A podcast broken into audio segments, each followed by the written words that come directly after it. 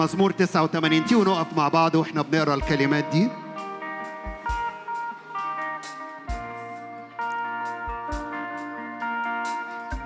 إيسان الإزراحي كتب هذه القصيدة وهذه القصيدة اتكتبت على داوود الملك. بس الحقيقة في آيات في هذا المزمور لا تعني بس داوود الملك أو ما ينفعش تتقال على داوود الملك الأرضي لكن اتقالت عن يسوع. فتعالوا نشوف هذه الكلمات بتقول إيه. وإعلن هذه الكلمات دي لنهاية سنة وبداية سنة جديدة. تبقى مليانة بمراحم الرب مليانة بإعلانات شخص الرب مباشرة. الرب بيعلن عن نفسه ليا وليك. تبقى مليانة باستقبالات لزيت والدهنة والمسحة جديدة من أجل تأثير الكنيسة في الأرض. تعالوا نردد هذه الكلمات دي مع بعض. مزمور 89 عدد واحد. بمراحم الرب أغني إلى الدهر. لدور فدور أخبر عن حقك بفمي. لأني قلت إن الرحمة إلى الدهر تبنى. السماوات تثبت فيها حقك قطعت عهدا مع مختاري. حلفت لداود عبدي إلى الدهر. أثبت نسلك وأبني إلى دور فدور كرسيك السماوات تحمد عجائبك يا رب وحقق أيضا في جماعة القديسين لأنه من في السماء يعادل الرب. يعني من يشبه الرب بين أبناء الله؟ ما فيش حد. إله مهوب جدا في مؤامرة القديسين ومخوف عند جميع الذين حوله. عاوز أنقل معاكم العدد 19 لأني أؤمن إن هذه الكلمات مفتاحية ل 2023 حينئذ كلمت برؤية دقيق هنا الرب اتكلم لنسان الملك النبي لداود الملك. حينئذ كلمت نثان النبي برؤيا وقلت جعلت عونا علي قوي رفعت مختارا من بين الشعب وجد داود عبدي. خدوا بالكم الرب عمل معاه إيه؟ بدهن قدسي مسحته في مسحة بتزداد في 2023 الرب بيسكبها بدهن قدسي مسحته الذي تثبتت يدي معه. أيضا ذراعي تشدده فمش بس في مسحة من أجل سلطان جديد لكن في تعضيد من يد الرب تثبتت يدي معه. أيضا ذراعي تشدده. ثالث حاجة لا يرغمه عدو وابن الاسم لا يذلله وأسحق اعدائه أمام وجهه وأضرب مبغضيه. رابع حاجة أمانتي ورحمتي فمعه وباسمي ينتصب قرنه. والحاجة الأخيرة أجعل على البحر يده وعلى الأنهار يمينه. هو ده السلطان اللي دفعه الرب للكنيسة. فتيجي نحمد الرب ونبارك الرب. ارفع إيدك كده وعظم الرب لأن الرب دفع كل الثمن ليا وليك عشان نختبر هذه الأمور. بدهن قدسي مسحته الذي تثبتت يدي معه. أيضا ذراعي تشدده لا يرغم عدو وابن الاسم لا يذلله وأسحق أعداءه أمام وجهه وأضرب مبغضيه. هللويا. عدد 26 دي الآيات اللي اتقالت عن يسوع.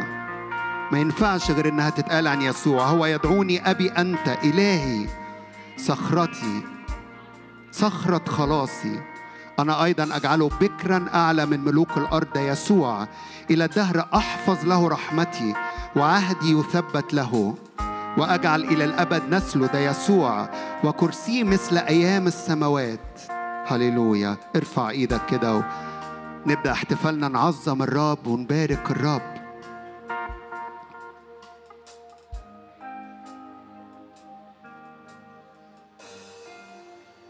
اللي يدخلنا سنة جديدة بزيت جديد بدهن قدسي مسحته. اللي يدخلنا سنة جديدة يثبت يده. معي ومعك وذراع الرب تشددنا. هللويا. اللي يدخلنا سنة جديدة لا يرغمك عدو. ابن الاسم لا يذللك. والرب يعطيك السلطان أن تسحق الأعداء تحت الأقدام. ولا يضرنا الشيء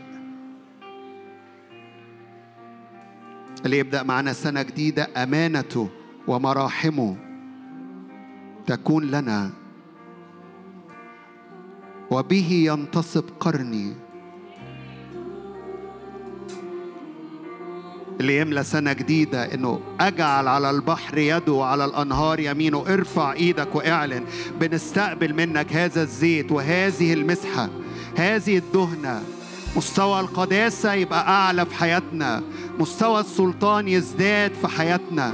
ودوائر التأثير تتسع من أجل استعلان ملكوته. هو دفع كل الثمن ليا وليك.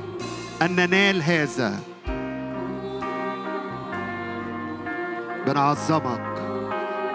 بنعظمك. ارفع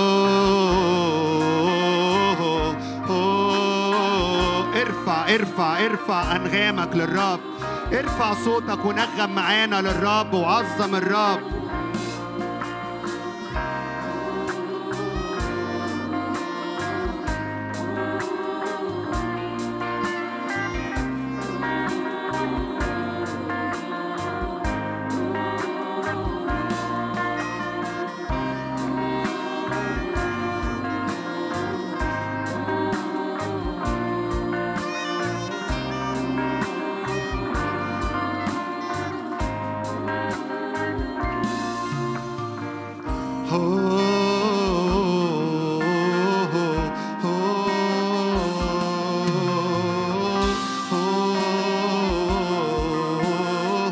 ارفع الرب وعظم الرب. دفع ليا وليك كل الثمن إن نقف قدامه ونستقبل منه. دفع الثمن إنه يرقينا. هللويا.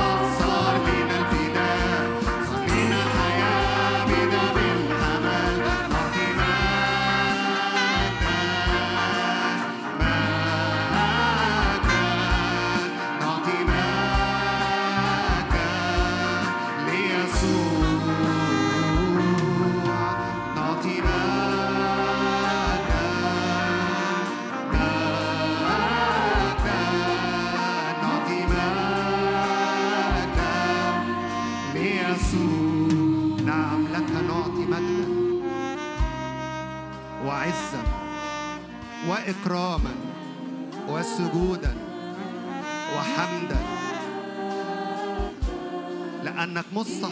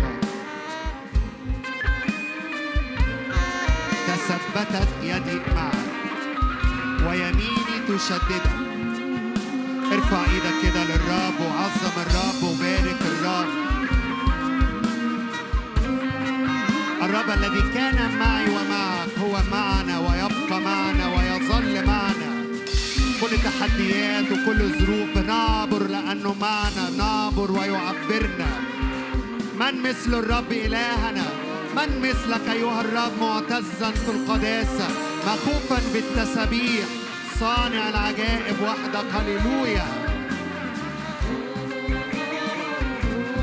أيتها الذليلة المضطربة الغير متعزية أنا أبني بالأسمد حجارتك وبالياقوت الأزرق أؤسسك هللويا بالأمور اللي نازلة من السماء الرب يؤسسنا ويثبتنا ويثبت مملكته في وسطنا.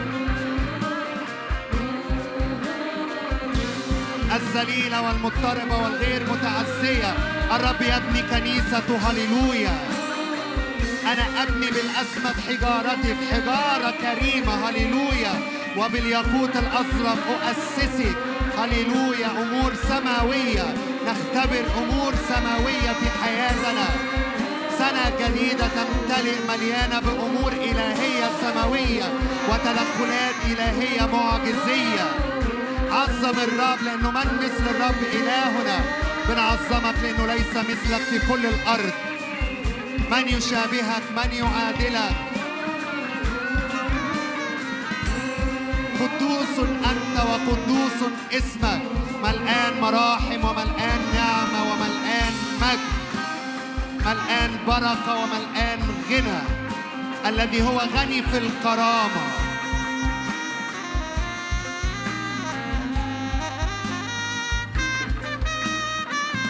غنوا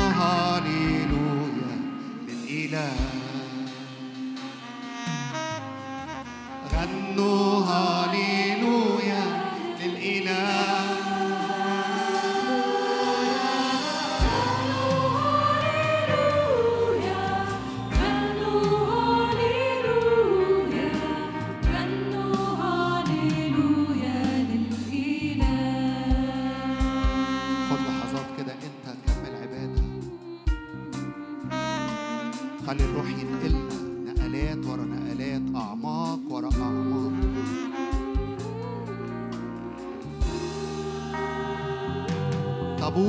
طابور وحرمون يهتفان طابور ده الجبل اللي تجلى فيه الرب. هللويا الرب يتجلى الرب يستعلن.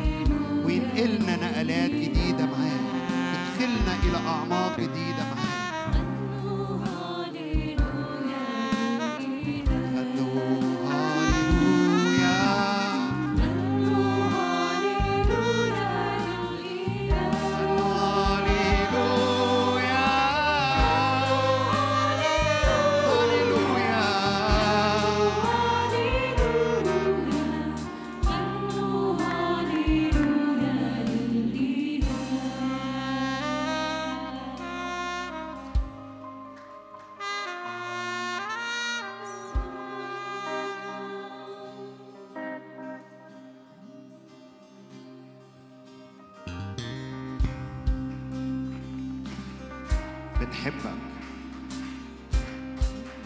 بنحبك يسوع بنعبدك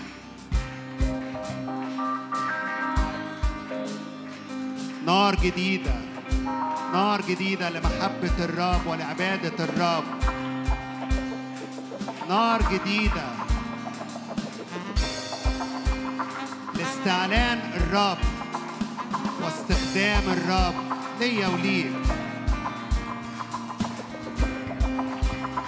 أشعل نارك في قلوبنا مياه روحك تغمر حياتنا.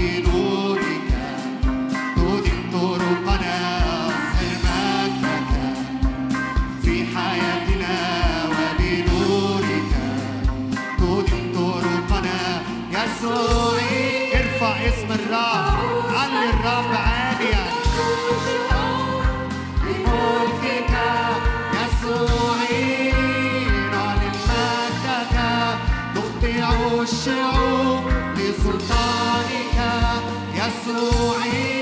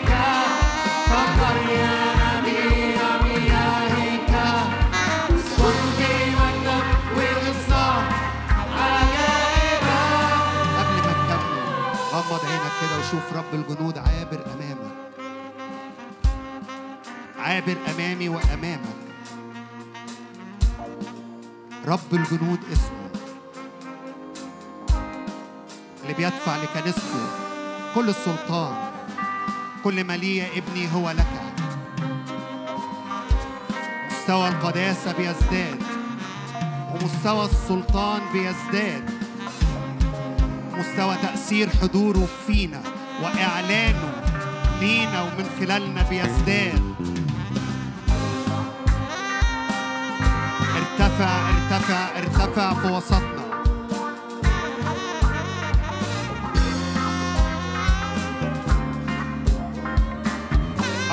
الجبار يخرج أمامنا. رب الجنود يعبر أمامنا. لا نخاف لأنه معنا ده عهده أبقى أمينا أما أمانتي ورحمتي هللويا فهي لك. هي معك. ممن نخاف يا رب لأنك أنت معنا.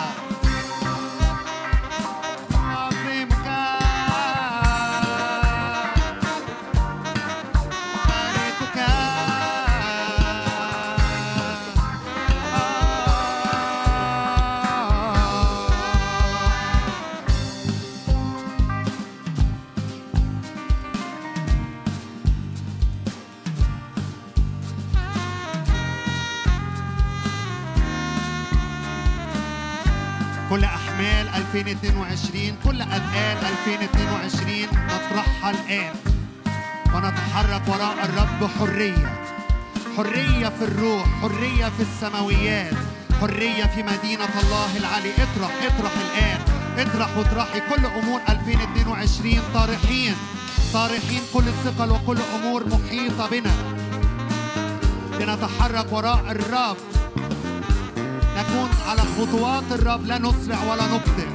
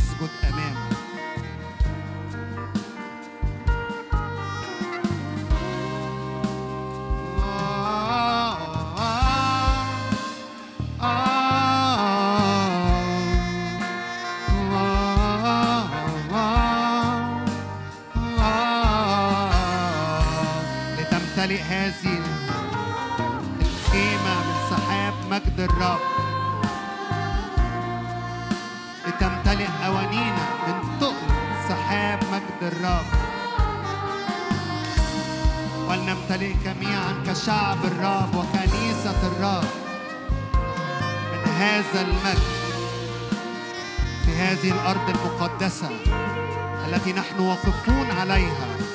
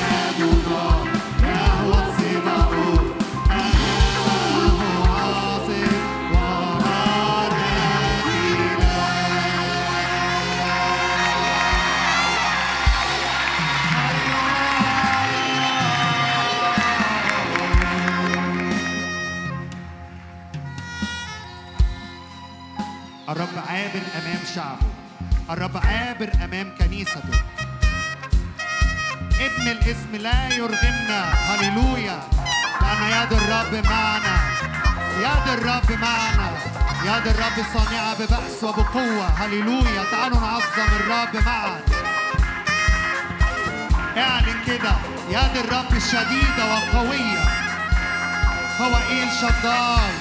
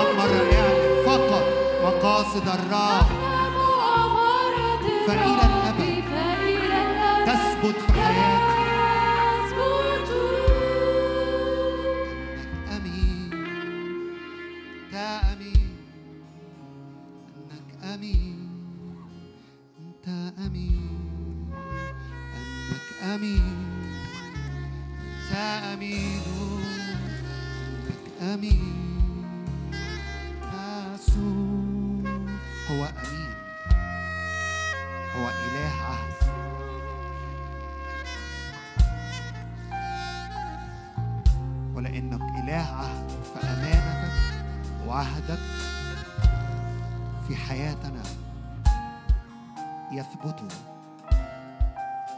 تثبتت يدي معك يقول الرب. تثبتت يدي معك.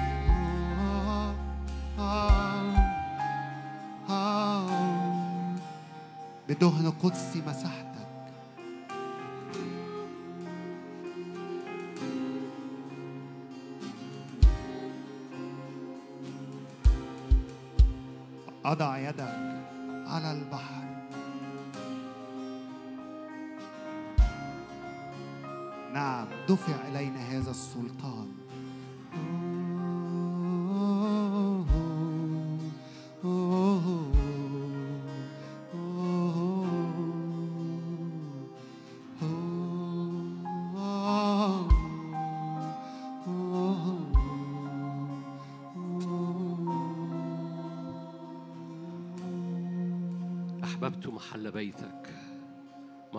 مسكن قدسك. نعلن مجدك في هذا المكان نعلن سماء مفتوحة. نعلن دم رش يتكلم أفضل من دم هابيل أتينا إلى وسيط العهد الجديد يسوع إلى الله ديان الجميع. محفل أبرار كنيسة أبكار أرواح أبرار مكملة. أتينا إلى مدينة سماوية.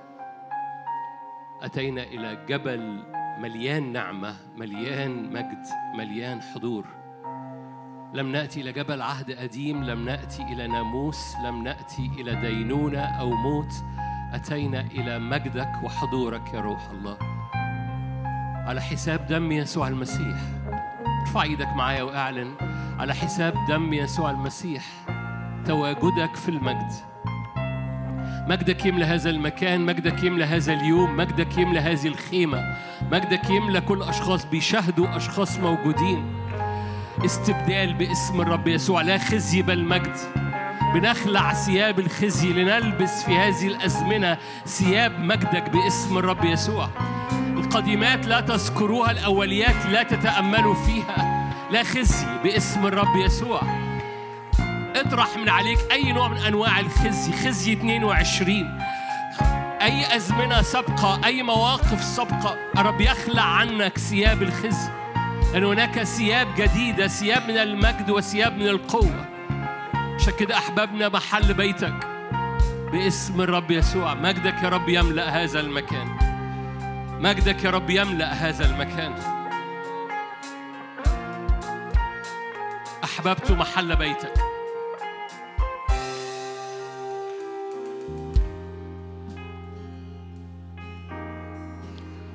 أحببنا مقادسك أحببنا سحاب مجدك أحببنا أجواء المجد وجلتر حضورك أحببنا وجه الآب السماوي إنه ينور في قلوبنا أحببنا اعلن معايا كده في جوه قلبك يا رب أنا بحب حضورك أنا بحب الزيارات روحك لقلبي والهيكلي أنا بحب حضورك.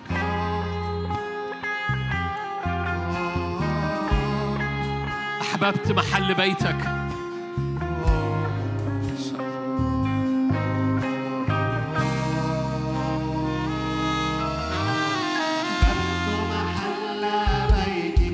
نعم.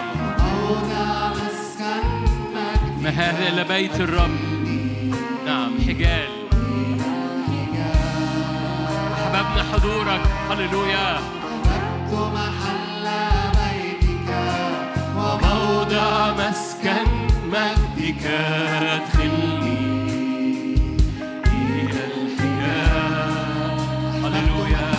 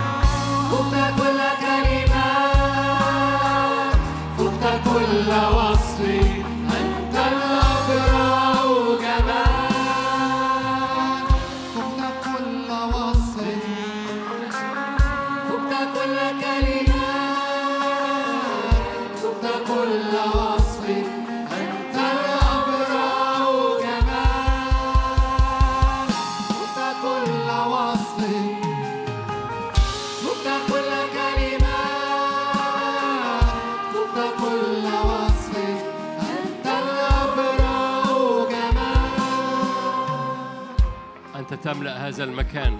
أنت تملأ بسحاب مجدك هذا المكان.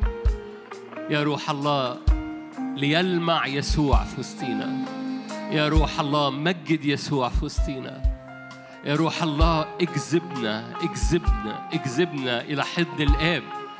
اجذبنا إلى حضن الآب. اجذبنا إلى جوه. ألف ذراع عبرنا. اجذبنا ألف ذراع. اجذبنا إلى حضن الآب.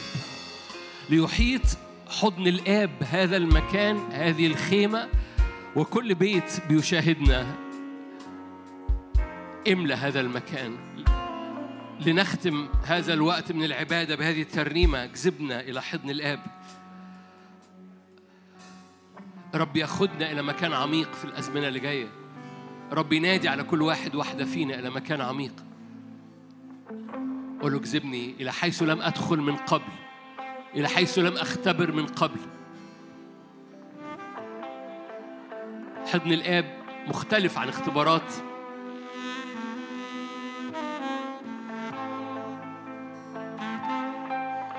اختبارات المياه إلى الكعبين غير اختبارات نهر السباحة.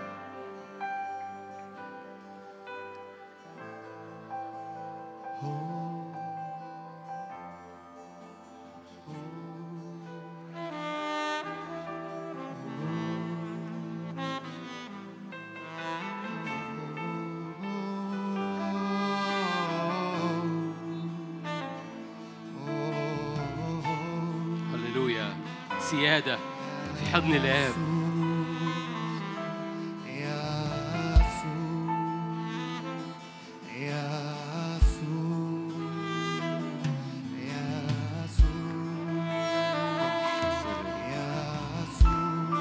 أعبر أعبر بأذيالك في هذه الخيمة. أعبر بأذيال حضورك في هذا المكان. أعبر بأذيال حضورك في قلوبنا.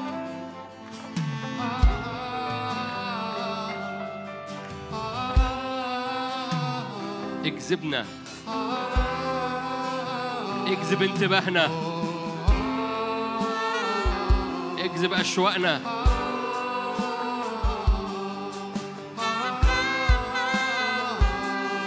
اجذبنا وراءك فنجري.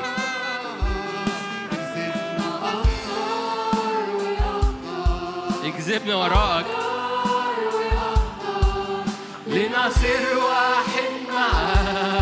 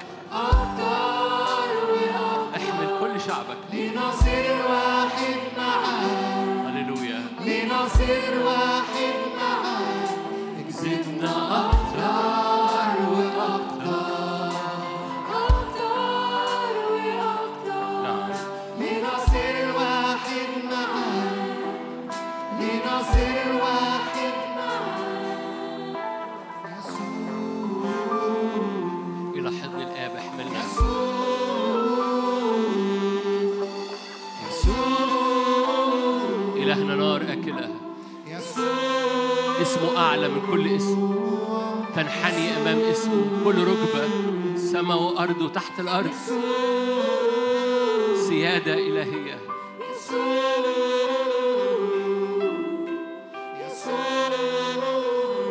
سيد الأرض كلها رئيس ملوك الأرض كلها.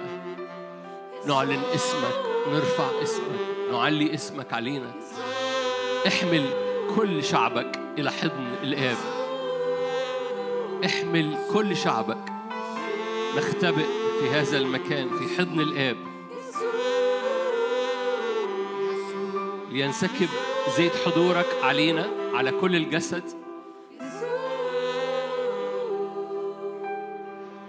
اسم دهن مهراق اسمك دهن مهراق. اسمك ينسكب على كل الجسد. حتى طرف الثياب. أؤمر بالبركة. إدهن رأس كل واحد من شعبك بدهنة بركة. دهنة حضورك يا رب. امسح شعبك. هناك يأمر الرب بالبركة حياة. ارفع إيدك معايا قول حياة. حياة إلى الأبد.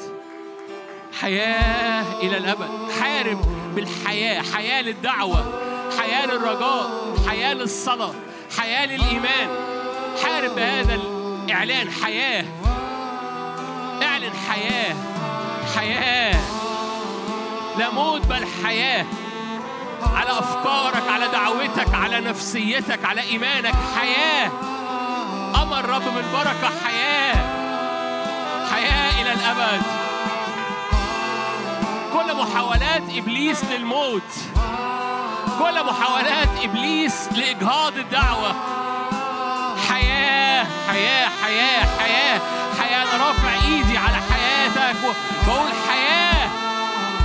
على شعب الرب. حياة. حياة باسم الرب يسوع. لعازر هلم خارجا.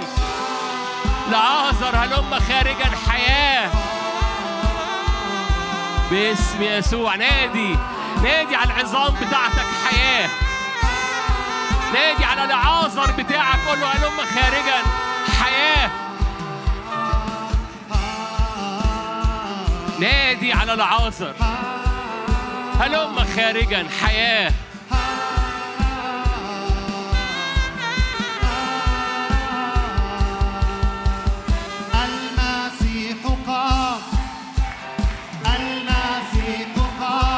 Hallelujah.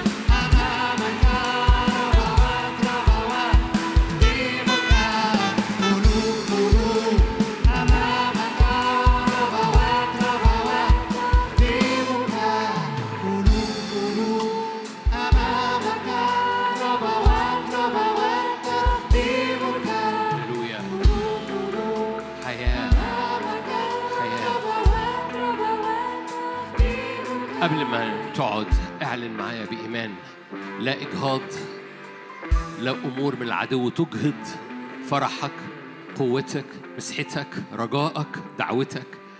لا موت بل حياة على حساب قيامة يسوع. لا موت بل حياة هذا اليوم يأمر رب بالبركة. حياة حياة حياة إلى الأبد. في اسم الرب يسوع. لإلهنا كل المجد آمين.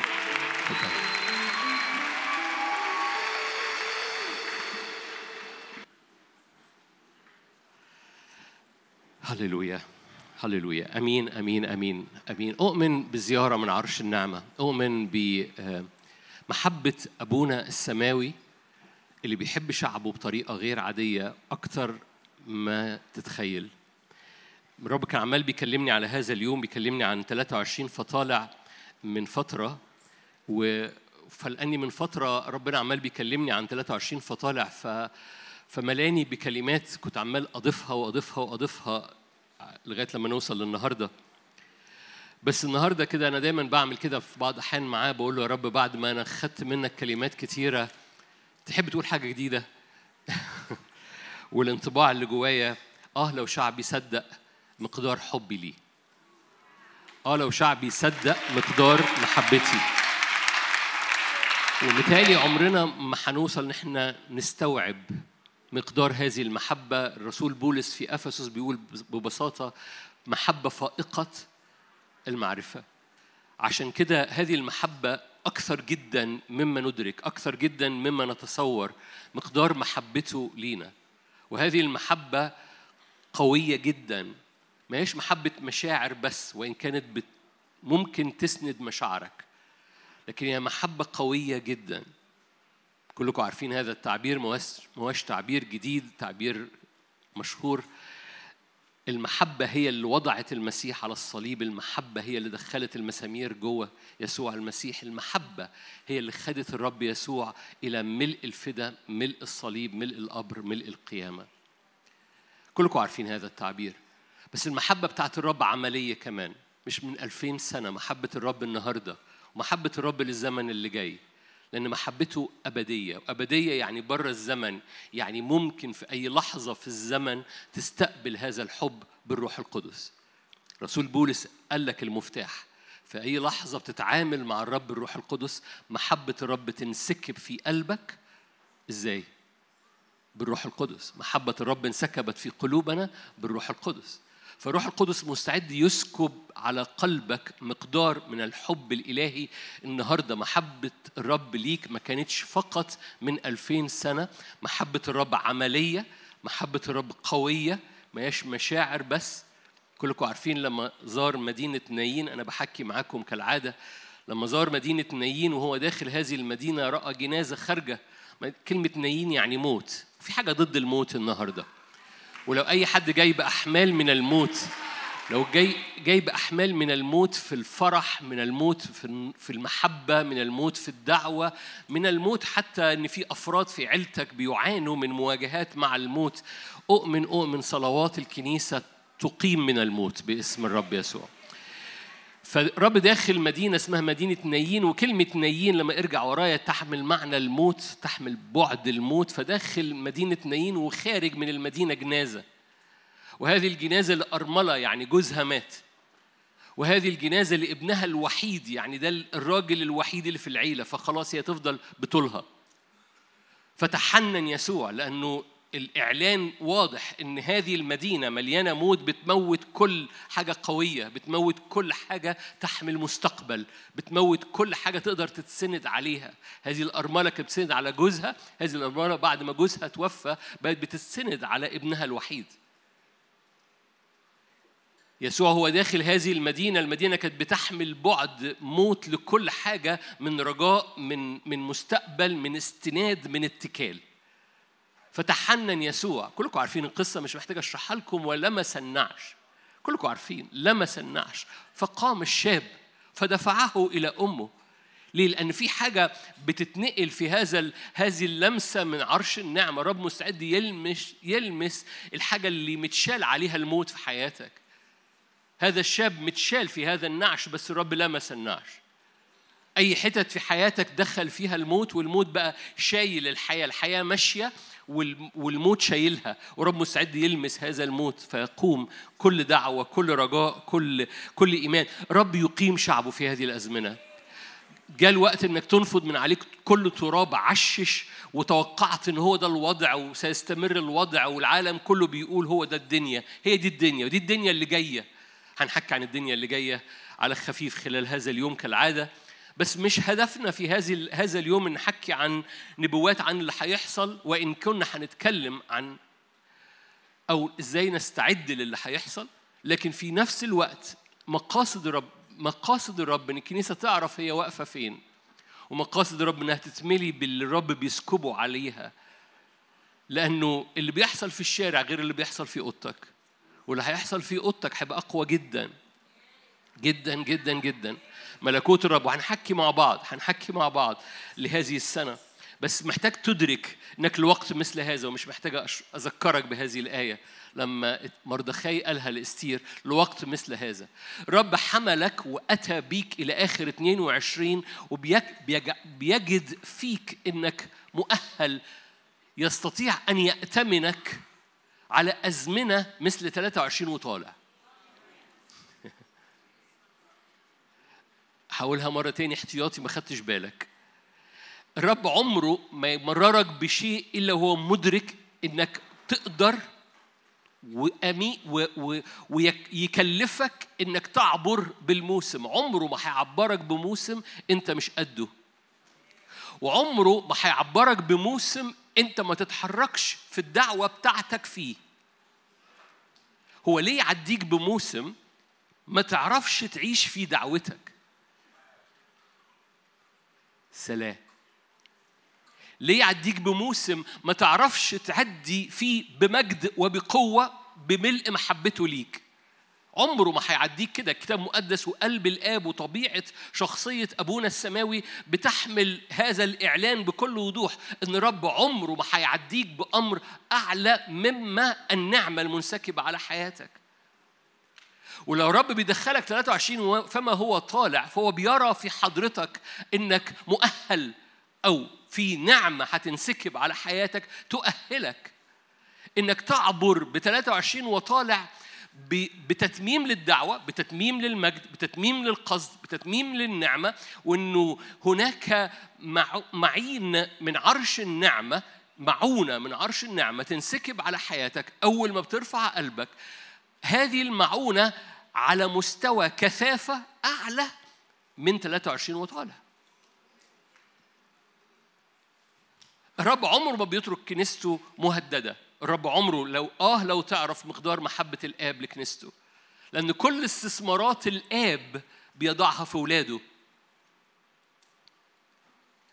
وإحنا آباء منظرنا كويس بنعرف أن ندي أولادنا عطايا جيدة بالمقارنة بالاب السماوي. إحنا أباء أشرار. أبوك الصالح كل استثماراته في أولاده. أبوك الصالح كل استثماراته في أولاده. في اتنين بيقولوا هللويا.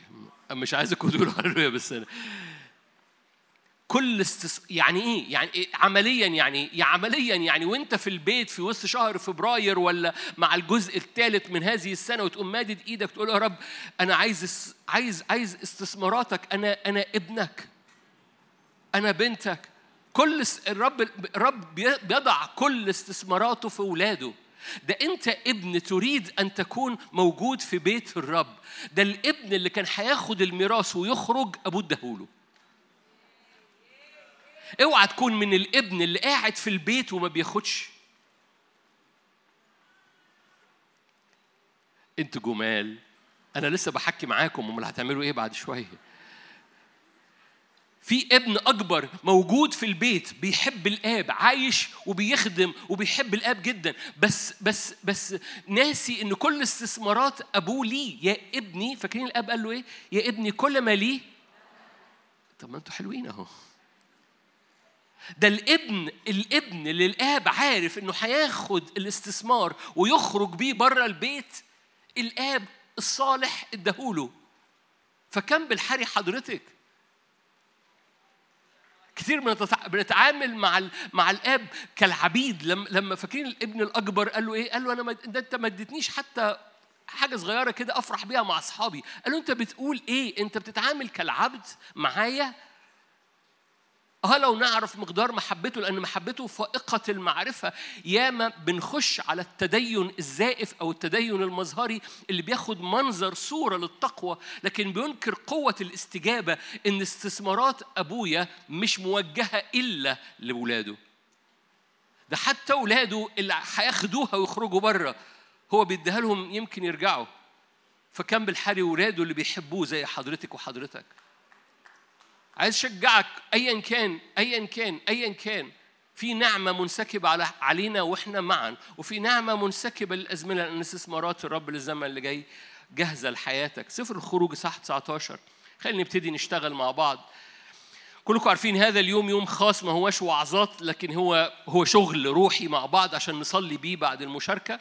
ولو أشجعك لو أنت تحب تبقى ما أعرفش إمتى في وقت من الاوقات كده هيبقى ينفع هبقى أقول لك هنكتب حبة حاجات مع بعض أو هيبقى في نقط مع بعض أو تسمع المشاركة بعدين. سفر الخروج صح 19 آيات مشهورة قوي.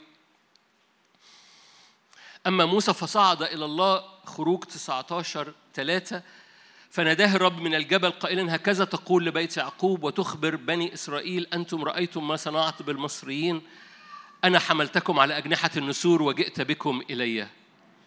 أنا حملتكم على أجنحة النسور وجئت بكم إلى 23 أنا حملتكم على أجنحة النسور وجئت بكم إلي. فالآن إن سمعتم لصوتي حفظتم عهدي تكونون لي خاصة من بين جميع الشعوب.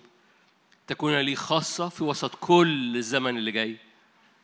تكونون لي خاصة في وسط أي حاجة بتحصل. تكونون لي خاصة في وسط أي أزمنة تقلب تعدل. تكون لي خاصة في وسط كل الشعوب. تكون لي خاصة من بين جميع الشعوب فإن لي كل الأرض لأني سيد. أنتم تكونون لي مملكة كهنة أمة مقدسة. الشعب اللي خرج من مصر كانوا عبيد كانوا متهرجلين. كانوا عندهم خبرات صغر نفس وخبرات فشل وخبرات جروح كتيرة. لكن الشعب اللي دخل أرض كنعان كان شعب منظم كان شعب يتقدم بالتسبيح لأن يهوذا كان بيتقدم أولا أو هذا السبط شعب كان جواه حضور واضح من الرب لأن تابوت العهد كان موجود في الوسط. شعب امتلك في أرض كنعان لأن الملوك يخرجون ملوك لكي يملكوا في أرض الميراث. الأزمنة اللي جاية الرب يستدعي الملك في حضرتك وفي حضرتك. رب يستدعي الملك جوه روحك. رب ينفض التراب بيلمع بياخد فوطة كده وبيلمع إنسانك الباطن من جوه علشان يطلع ملامح الكاهن والملك مملكة كهنة. تكونون لي خاصة من بين جميع الشعوب إزاي تكونون لي مملكة كهنة؟ فرب يلمع مرة تاني إنسانك الباطن إنسان روحك. رب يلمع هويتك من جديد اللي اترمى عليها تراب اللي اترمى عليها أفكار كتيرة ومخاوف كتيرة وعادي وطبيعي وده اللي هيحصل وده اللي هيستمر وده اللي بيتقال وده اللي بيقولوه. ورب يقول لك حبيبي أنا حملتك على أجنحة النسور وحملتك من وقت ما كنت عبد خارج من أرض عبودية من تاريخ من من خزي من ذكريات. حتى لو كان تاريخك منظره كويس حتى لو كان تاريخك كنت أنا كنت حبقى وده أنا كنت حبقى وده أنا كنت حبقى. حضرتك وأنت في المسيح يسوع الرب نقل حياتك إلى طريق مليان حياة أبدية. وطالما ماشي وراء الرب زي في تعبير بالإنجليزي يقول لك put all in. يعني حط كل قوتك في المشوار. ليه؟ لأن الرب حط كل نفسه في مشوار عشانك. حط كل كل طاقتك وما تحطش رجل هنا ورجل هنا. لا تعرج بين الفرقتين. لأنك بتعرج بين الفرقتين رجلك اللي موجودة في الشارع بتتعور. لما بتعرج بين الفرقتين أفكارك اللي بتس... ودن هنا وراء الرب وودن هنا وراء العالم بيقول إيه أو إبليس بيقول إيه ودنك التانية دي بتعمل تشويش. حط ودانك الاتنين وحط رجليك الاتنين وحط قلبك بأربع غرف وحط ذهنك بكل الفصين بتوعه. حط كل حاجة وراء الرب لأن الرب حط كل حاجة في المسيح يسوع ليك. حط كل حاجة ما تبقاش متقسم لأن البيت المقسوم ما بيقدرش يقف في الأزمنة اللي جاية. العبيد اللي خرجوا متهرجلين دخلوا كأسباط كملوك لأن أرض كنعان كان فيها ملوك. ليطردوا ملوك كنعان كان يجب هم يبقوا مملكة كهنة. ورب يدخل مملكة كهنة للزمن اللي جاي. ففي نقلة وترقية وربنا هيقود الأزمنة اللي جاية والسنة اللي جاية إزاي مستوى بعد العبادة في حياتك والتشفع في حياتك يبقى تقيل وواضح ولامع أمام وجه الآب. وبالتالي بعد الملك ووجه الملك في حياتك رب يقوم معدي كده وملمع ملمع ملمع ملمع. فيبقى وجه وجه حضرتك وحضرتك حاد جدا كملك وحاد جدا كمصلي ومتشفع وراء الرب. رب يرجع نار التشفع ونار الإدراك ونار الإعلان لأن سر الرب زي ما هنشوف مع بعض خلال هذا اليوم سر الرب لخائفيه الرب بيوشوش أسراره لخائفيه وهتسمعوا كلمة مخافة الرب النهاردة كتير لأنك هتسمعوها في الزمن اللي جاي كتير لأن ده السلاح أحد الأسلحة اللي الرب يريدك أن تتملي بيها في الزمن اللي جاي. مخافة الرب روح مخافة الرب. كلكم عارفين أنا أعددتكم بهذا الخبر إنه الأزمنة اللي جاية روح مخافة الرب لازم يعمل زيارات متكررة لحياتنا وإحنا بنرحب بهذا الروح. روح مخافة الرب إنه يملأ قلوبنا ويملأ وضنا يملأ بيوتنا. فرب يستدعي كل حاجة في كيانك بيستدعي كل حاجة في نفسيتك. بيقول لك أنا عايز عايز الأربع أربع غرف قلبك الفصين بتوع ذهنك عينيك الاثنين ودانك الاثنين رجليك الاثنين أنا عايز كل كيانك ورايا. كل ليه لأن أي حاجة مديها نص بره ونص جوه بتشتتك سبب تعب ليك سبب تعب ليك. خليني أقرأ لك آيات كلكم أنا عشان الوقت. يوئيل ثلاثة يوئيل ثلاثة. نادوا بهذا بين الأمم. يوئيل ثلاثة آيات مشهورة جدا. يوئيل ثلاثة. نادوا بهذا بين الأمم قدسوا حربا انهضوا الأبطال. يتقدم ويصعد كل رجال الحرب. رب اسمه رب الجنود ولأنه رب الجنود فاللي ماشيين وراه جنود ولأنك ماشي وراه ففي حاجة في حياتك الروحية اسمها جندية. في قلب جواك اسمه قلب جندي. نهاية للشفقة على الذات. فاكرين الشعب لما خرجوا من أرض مصر كان يقول لك لم يصدقوا موسى بسبب العبودية والشفقة على النفس. الفبريكة الداخلية كتير بقول إن روح مصر روح مصر مش مصر الطبيعية روح مصر بتطلع عبيد أما روح الرب بتطلع ملوك. ولأنك مولود من فوق لأنك مولود من روح الرب. المولود من الروح هو روح والروح الموجود منسكب في حياتك هو روح أبوك الملك. أنا بتكلم بسرعة عليكم. روح مصر بتطلع عبودية. أنت مش مولود من روح مصر. أو اتولدت بالطبيعة بروح مصر لكن لما سلمت حياتك للرب اتولدت من فوق والروح اللي ولدك من فوق المولودين من الروح هم روح والروح اللي ولدتك من فوق هي روح الملك. روح ملوكية. قدسوا حربا انهدوا الأبطال ليتقدم ويصعد كل رجال الحرب. اطبعوا سكاتكم سيوفا. يعني الحاجات اللي العادية بتاع اليوم حولها إلى مواجهات. ومناجلكم رماحا ليقل الضعيف بطل أنا. تعرفوا حد بيقول أنا ضعيف؟ الآية دي بتقول إن الضعيف يقول أنا ضعيف. إمتى الضعيف يقدر يقول بطل أنا؟ إمتى الضعيف يقدر يقول يقول الضعيف بطل أنا؟ وأنت بحسب أنت ناظر لإيه؟ ناظر لنفسك أنت ضعيف. ناظر لوجهه بطل أنا. مولود من روح مصر أنا عبد. مولود من روح الرب أنا ملك. جوايا روح مملكة كهنة. أنا مولود من فين؟ بيحدد هويتي وبحسب هويتي وقفتي وبحسب وقفتي نتائج عبادتي ونتائج حياتي ونتائج بيتي ونتائج الخدمة. بحسب وقفتك. جاي وقفتك جاية من هويتك وهويتك جاية أنت واقف قدام مين؟ إيه اللي مالي عينيك؟ إيه اللي مالي قلبك؟ ليقل الضعيف بطل أنا أسرعوا وهلموا يا جميع الأمم من كل ناحية واجتمعوا. إلى هناك أنزل يا رب أبطالك. هللويا. إلى هناك أنزل يا رب أبطالك. الرب ينزل أبطاله ل 23 وطالع. مش عايز أسبق نفسي وأقول كلام مشجع فتتشجعوا جو يعني جوا جوايا انطباع إنكم عايزين تتشجعوا. فبوقف نفسي.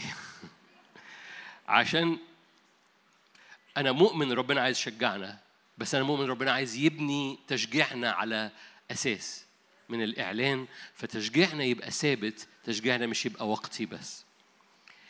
انزل يا رب أبطالك. تنهض وتصعد الأمم خلي بالك المشهد مشهد نبوي مشهد عن الأزمنة الأخيرة مشهد مهاب.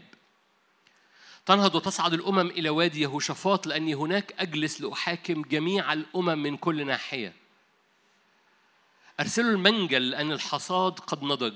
هلم دوسوا لأني قد امتلأ لأنه قد امتلأت المعصرة. فاضت الحياض لأن شرهم كثير.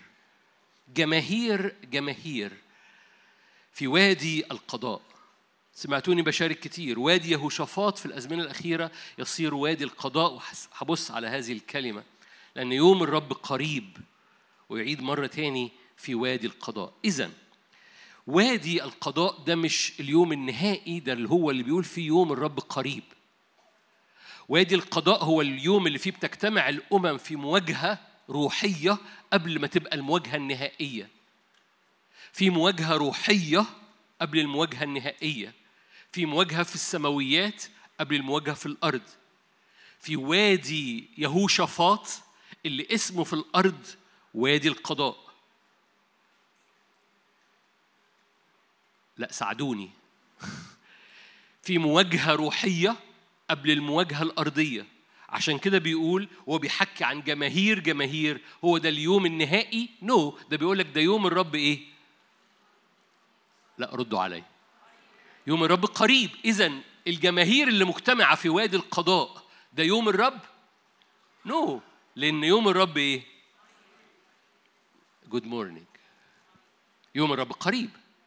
اذا هناك مواجهة في هذا الوادي اللي في آية 12 مكتوب تنهض وتصعد الأمم إلى وادي الوادي يهوشافاط.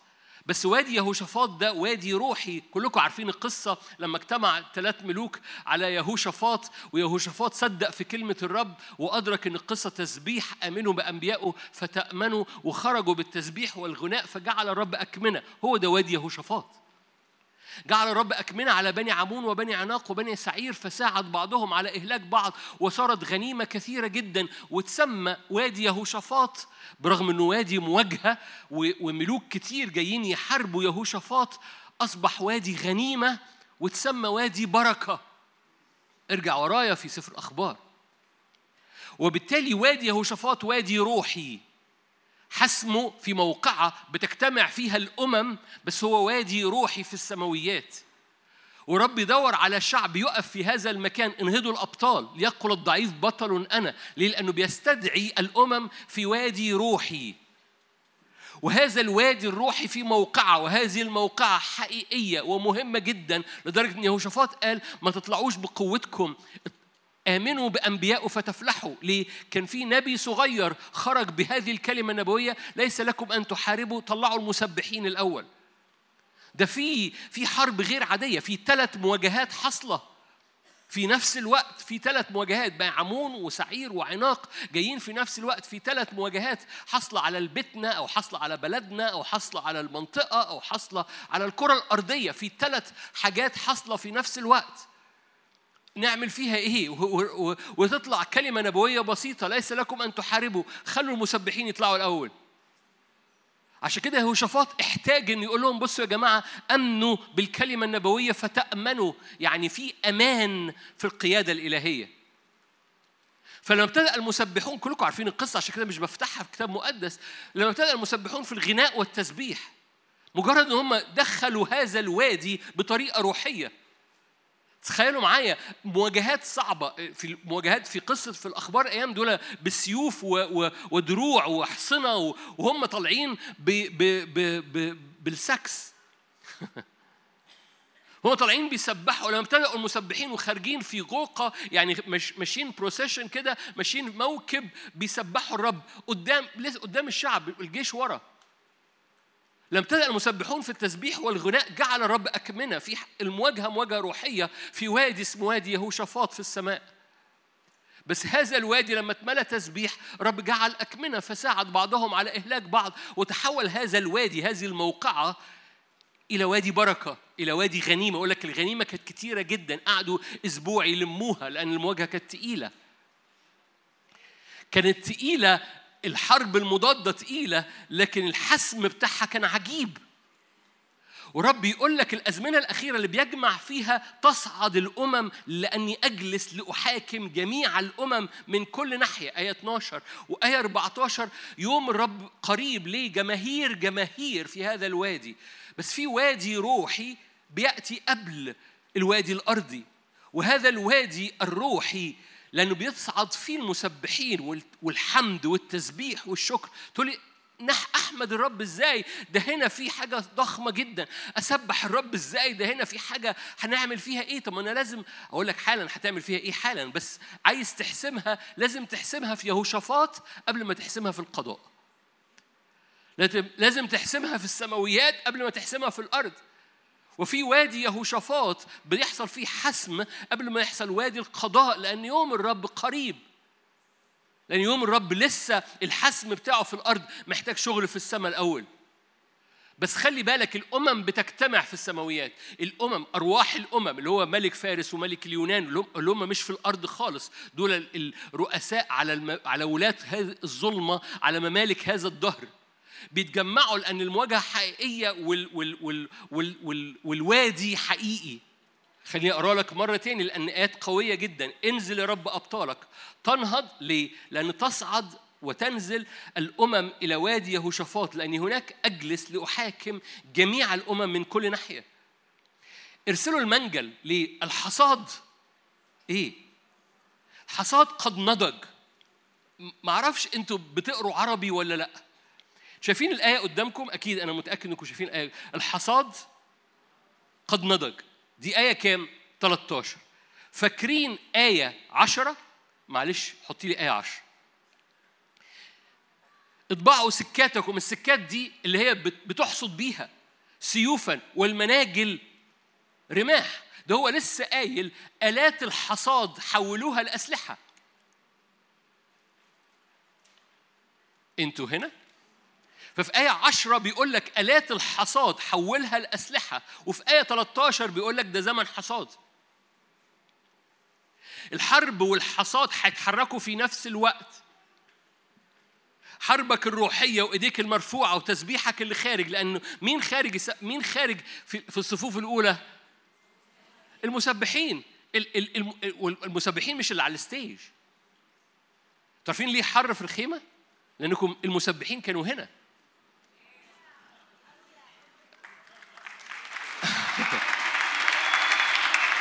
مش أنتوا كنتوا بتسبحوا ولا كنتوا بتعملوا إيه طيب؟ المسبحين كانوا هنا لما ابتدأ الشعب في. أنتوا المسبحين مش اللي على ال stage، اللي على ال stage دول مجرد بيقودوا هم بي... بينكشوا وانت ب... وانت بتسبح. ولو انت لما انت بتسبح القصة ما هو التسبيح سهل في في خيمة زي كده بس التسبيح في أوضتك هو اللي بيحسم عمون و... و... وعناق وكلهم مع بعض. ال- ال- القلب اللي بي- بيعبد وبيسبح وبيعلن إن الرب صالح هو ده اللي أنا بدور عليه وهو ده اللي الرب بيدور عليه مش التسبيح اللي على stage مش حفل التسبيح. هو على قلب حضرتك اللي بيسبح في وسط الأزمنة وأنت تحت السرير. لأنه في حاجة بتخرج من قلبك. قال كده النبي قال لهم كده ليس لكم أن تحاربوا. خرجوا بس تسبيح خرجوا حمد بس. أحمد الرب في وسط. في وسط الأيام في وسط الأزمنة في وسط ال- ال- الصعاب. أحمد الرب احمدوا الرب لأنه صالح لأن الابد رحمته. كلكم عارفين هذه الجملة اللي كان بيقولوها اللويين في العهد القديم كل مرة كانوا بيقولوها كان مجد الرب يملى لو حضرتك قلتها في الأوضة أوضتك هتتملي بالمجد. حضرتك قلتها في العربية وأنت رايح مشوار مهم عربيتك هتتملي بالمجد وتخش المشوار المهم بالسحابة اللي عليك. حضور الرب اللي عليك بيتقدمك لو انت مدرك انه الرب صالح وإلى الأبد رحمته. بني عمون بني عناق بيساعدوا بعضهم على إهلاك بعض. ارسلوا المنجل لأن الحصاد قد نضج ده إيه 13 فأتاري الأبطال اللي خارجين يحاربوا بالتسبيح بيحصل حصاد في حياتهم. حاجات بتحصل في نفس الوقت. هناك هناك مواجهة روحية أنت كون مستعد ليها. هناك استخدام لكل الأسلحة اللي الرب أودعها إياك على مدار السنين. فإيدك المرفوعة واسم يسوع وإعلان دم الرب وإعلان العهد وإعلان هذا الإيمان ده هو ال- ال- الطبيعي بتاعك. ليه؟ لأنك أنت جندي لأنه هو اسمه رب الجنود. ولأنك جندي في حصاد ولأنك خارج بتعلن بهذا السلاح اللي هو احمدوا الرب لأنه صالح. هذا السلاح أحبائي مفتاح من 23 فطالع. لأن كل حاجة هتترمي عليك هتحاول تعمل سونامي وهستعمل هذه الكلمة النهارده في هذه المشاركة شوية. هتحاول تعمل سونامي من البرودة على صلاتك على نيرانك على دعوتك على محبتك على القداسة. سناوي سونامي من من عدم الإيمان من الزهق من ملكش نفس من هو ربنا فين؟ وأول ما تعلن الرب صالح إلى الأبد رحمته كذبيحة. عارفين ذبيحة تسبيح؟ التسبيح اللي جاي من أجواء مفتوحة ده ده تسبيح محبة لكن ذبيحة التسبيح ده لما يكون مفيش حاجة مشجعاك إنك تسبح وبتقدم تسبيح فدي اسمها ذبيحة. بعضكم عارف هذا الحق وبعضكم مش عارف بس بعضكم عارف وما بينفذش. أصل أنا مش شاعر الأيام دي. أنا بقالي مدة طويلة في أوضتي. أنا مش بتكلم على الاجتماعات في أوضتك. لما تقدم عباد أنت صالح أنت طيب ليا أنت طيب لحياتي. بص أنا أنا ما بحبش أتكلم قصص خاصة بس أنا كتير بجد في في نفسي. أنا أنا كتير بجد في نفسي اني بقول أنا لو أنا لو أنت مش موجود لو أنت مش موجود في حياتي أنا كان زماني فين؟ في مرة سبب الجملة دي كان حد بيقول لي كان زمانك دكتور كذا وبتعمل كذا شايف زمايلك كانوا بيعملوا إيه؟ والانطباع اللي جوايا أنا عارف نفسي. حتى لو الحاجات دي كانت موجودة أنا كان زماني أنا عارف كنت هبقى فين جوايا. في سبب يخليك تحمد الرب لأنه صالح أيا كان الحالة. أيا كان حالة براك أيا كانت الحالة جواك. في سبب إنك تعلن الرب صالح إلى الأبد رحمته في حياتك. لولا الرب الذي ليك غياب رجاء غياب مستقبل غياب نعمة غياب سندة. كنت هتسند على مين؟ احمد الرب لأنه صالح لأن إلى أبد رحمته. حاجة جانبية. وانت واقف في هذه المواجهة وانت واقف في جبل في وادي يهوشافاط وبتعلن المسب المسبح اللي فيك خارج الكاهن والملك اللي فيك خارج قدام الرب في حصاد غير عادي فارسلوا المنجل لأن الحصاد قد نضج. هلم دوسوا لأنه قد امتلأت المعصرة فاضت الحياض لي لأن المواجهة والشر عظيم. جماهير جماهير في وادي القضاء. كلمة القضاء كلمة منظرها واضح إنها قضاء بس هي الكلمة في اليوناني سوري في العبري كلمة عجيبة قوي آه، اضطريت آه، أفتحها وخروت حاجة حاجة سن قاطع حاد. كلمة اسمها القضاء بس هي سن قاطع حاد. الوادي يهوشافاط ده وادي اللي فيه تسبيح بتاعك خارج هو وادي فيه سن قاطع حاد.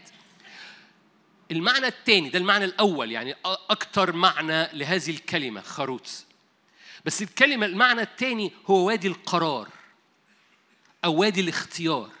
بس ده مش معنى غريب عن المعنى الأولاني زي ما هو سن قاطع حاد لأن الاختيار في هذا الوادي قاطع وحاد بتختار. وفي حاجة بتقطع في حياتك لأن زي ما أنت بتحسم في السماويات لأن الرب صالح إلى أبد رحمتك وبيغطي وتغطي بيتك وتغطي أيامك وتغطي مستقبلك. العهد بتاع الرب عهد صالح وأمين معاك. وأنت بتعلن كده في حاجة زي سيف قاطع حاد بيعمل اختيارات محددة. كله ماشي مش هينفع في الزمن اللي جاي. الدنيا هلهلي عارفين المسيحية الهلهلي؟ مش هتنفع في الزمن اللي جاي لأن الوادي بتاع الأزمنة اللي جاية هو وادي خروت أنا بستعمل الكلمة العربي عشان فيها خ العبري يعني. بحب الكلمات اللي فيها. في كلمة حادة في في قرار حاد في اختيار حاد. في سيف حاد. أنا كتبت حتى زي النورج زي سيف قاطع ما فيهوش مساومة في قرار. في معنى ثالث لكلمة خروس بس المعنى ده ضعيف شوية. ذكر مرتين ثلاثة في سفر الأمثال إنه هذا القرار ذهبي يعني بيحمل صفة ذهبية. فهو هو اختيار حاد بيحمل صفة ملوكية.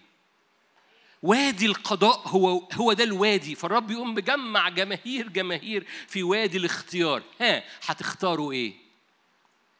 خلي بالك وادي ال- ال- الخروت ده هو بعد وادي يهوشافاط.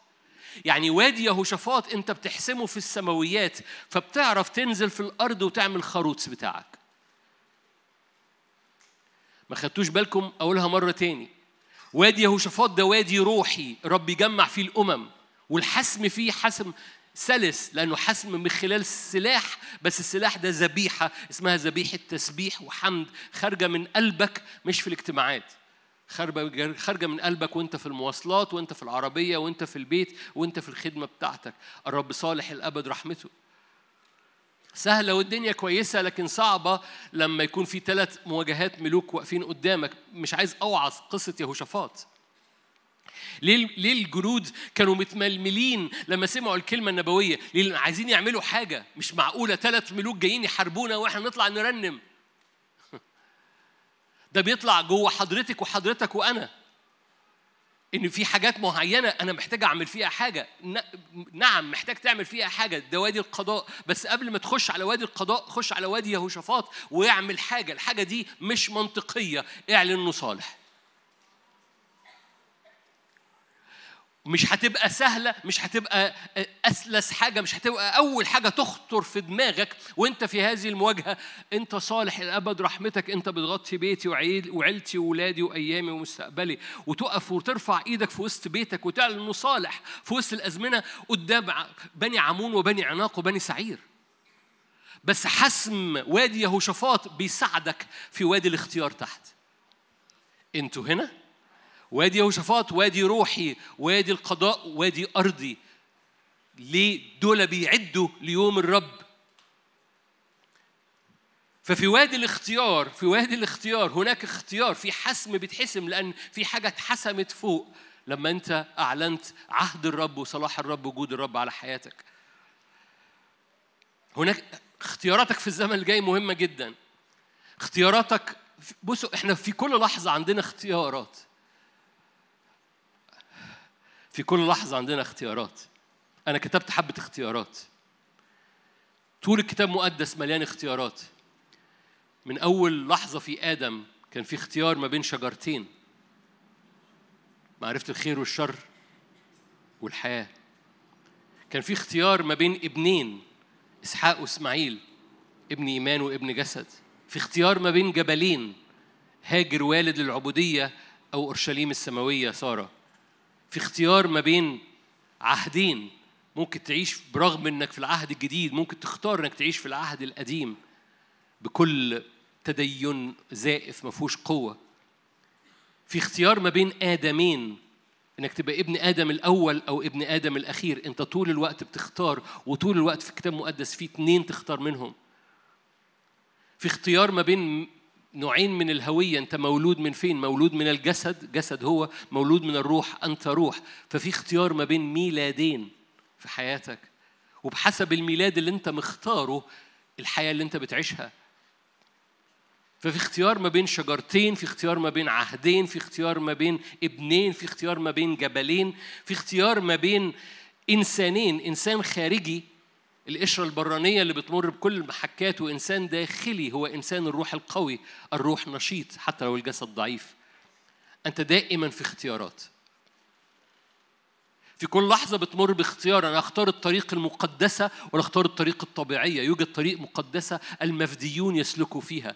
ولأنك مفدي ابن للرب لأن في فدا من الرب على حياتك أنت مدعو أنك تصير في هذه الطريق المقدسة اللي هي لا يصعد فيها وحش ونجس لا يوجد هناك. حتى الجهال اللي مش فاهمين كل حاجة لا يضلوا لأنهم ماشيين في هذا الوادي. طول الوقت عندنا اختيار ما بين حاجتين وهذا الاختيار بموضعك. عربي فظيع قوي بموضعك دي. بي- بيضعك في المكان المناسب بيعيد تموضع حياتك في الدعوة وفي الملكوت وفي الصفوف بتاعة الملكوت. ممكن يكون انت واخد وضع معين بس أول ما بتختار اختيارات بحسب وضع الرب بحسب قصد الرب وضعك بيتغير مكانك بيتغير. آخرون يصيرون أولون واولون يصيرون آخرون في الأزمنة الأخيرة. ليه؟ لأنه بحسب اختيارك تموضعك. فما تحكمش على نفسك بحسب اللي حاصل تحت رجليك. خش وادي يهوشافاط بإعلان إن الرب صالح وخش وادي القضاء باختيارات محددة من عند الرب. ما تسيبش الدنيا هلهلي واعرف اخت- حسمك في وادي يهوشافاط وحسمك في وادي القضاء بموضعك في المكان اللي في قلب الرب في الملكوت وفي الدعوة في الأزمنة الأخ- ال- ال- الجاية. كنت هقول الأزمنة الأخيرة. فرب ينفض التراب من على عينيك. مازال جوايا المشهد كده زي ما يكون الرب بياخد فوطة وبيلمع عينيك. بيأتي عند كل واحدة وواحد هنا وبيقوم معدي كده في في تراب وفي حبة عنكبوت عششه قدام الرؤية بتاعتك وعلى عينيك وعلى أفكارك. فعمال بقى ماسك الفوطة وعمال يلمع يلمع ودانك ويخش صوابعه جوه ودانك. اسمعي بقى. وي- وي- وي- ويلمع عينيك. فشوفي وي- وي- وي- وي- ويلمع ذهن. ليه؟ عمال بيلمع ليه؟ عشان تبرق. عشان إنسان الروح يخرج عشان تصدق إنه بيعيد تموضعك. أنت حاكم على نفسك بحسب العنكبوت اللي قدام عينيك. والرب بيقول لك العنكبوت ده عشش عشان أنت عمرك ما نشيته. عمرك ما اخترت نو. عمرك ما وقفت بلا مساومة. وقلت نو. مشيتها هلهلي. سميتها كله ماشي. بس في الأزمنة اللي جاية مش كله ماشي مش كل فكرة ماشي مش كل وضع ماشي مش كل أمر ماشي. في في وادي قضاء تحت جاي من وادي يهوشافاط فوق وفي حسم بيحصل فرب يعيد تموضعك في الملكوت وفي الصفوف بتاعته. فبتقف في المكان.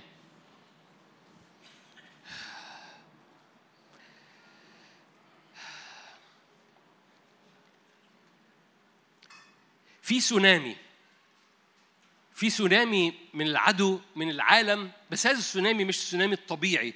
هو نفس أنا بستعمل هذا التعبير وهذا التعبير بستعمله بطريقة رمزية من من السوناميز اللي بتحصل في الأرض. بس في سونامي من ال من البرودة. يعني إيه برودة؟ مش برودة جو مش بارد. سونامي من برودة القلب من برودة القداسة من برودة الدعوة من برودة الحماسة من برودة الكلمة من برودة الخلوة الفردية أو أوضتك أو المخدع. في سونامي العدو بيرميه وال- والعدو ما بيرميهوش بهذا الوضوح. عدو بيرميه بطريقة آه، طبيعية. فتحس إنه طبيعي. وإحد الحاجات اللي القضاء أو السيف أو السن أو الاختيار بينزل من فوق لتحت وهنحكي أكتر في الاجتماع اللي جاي في حاجة بتتنزل من فوق لتحت هي بتشق لأنك لازم تختار طبيعي ولا غير طبيعي. لأن الطبيعي بيحمل وراء خليني أقلب معاك لرسالة كورنثوس الطبيعي بيحمل وراء السونامي بتاع الطبيعي. والروح الطبيعي أو روح العالم. فكلمة طبيعي كلنا بنقولها في بعض أحيان لما بيبقى في موقف معين وحدث معين فتقول طبيعي. طبيعي إني أشعر كده أو طبيعي يحصل كده أو طبيعي الأمور توصل لكده. كل حاجة بتقول حضرتك عليها طبيعي أنت محتاج تنزل عليها سيف في وادي القضاء.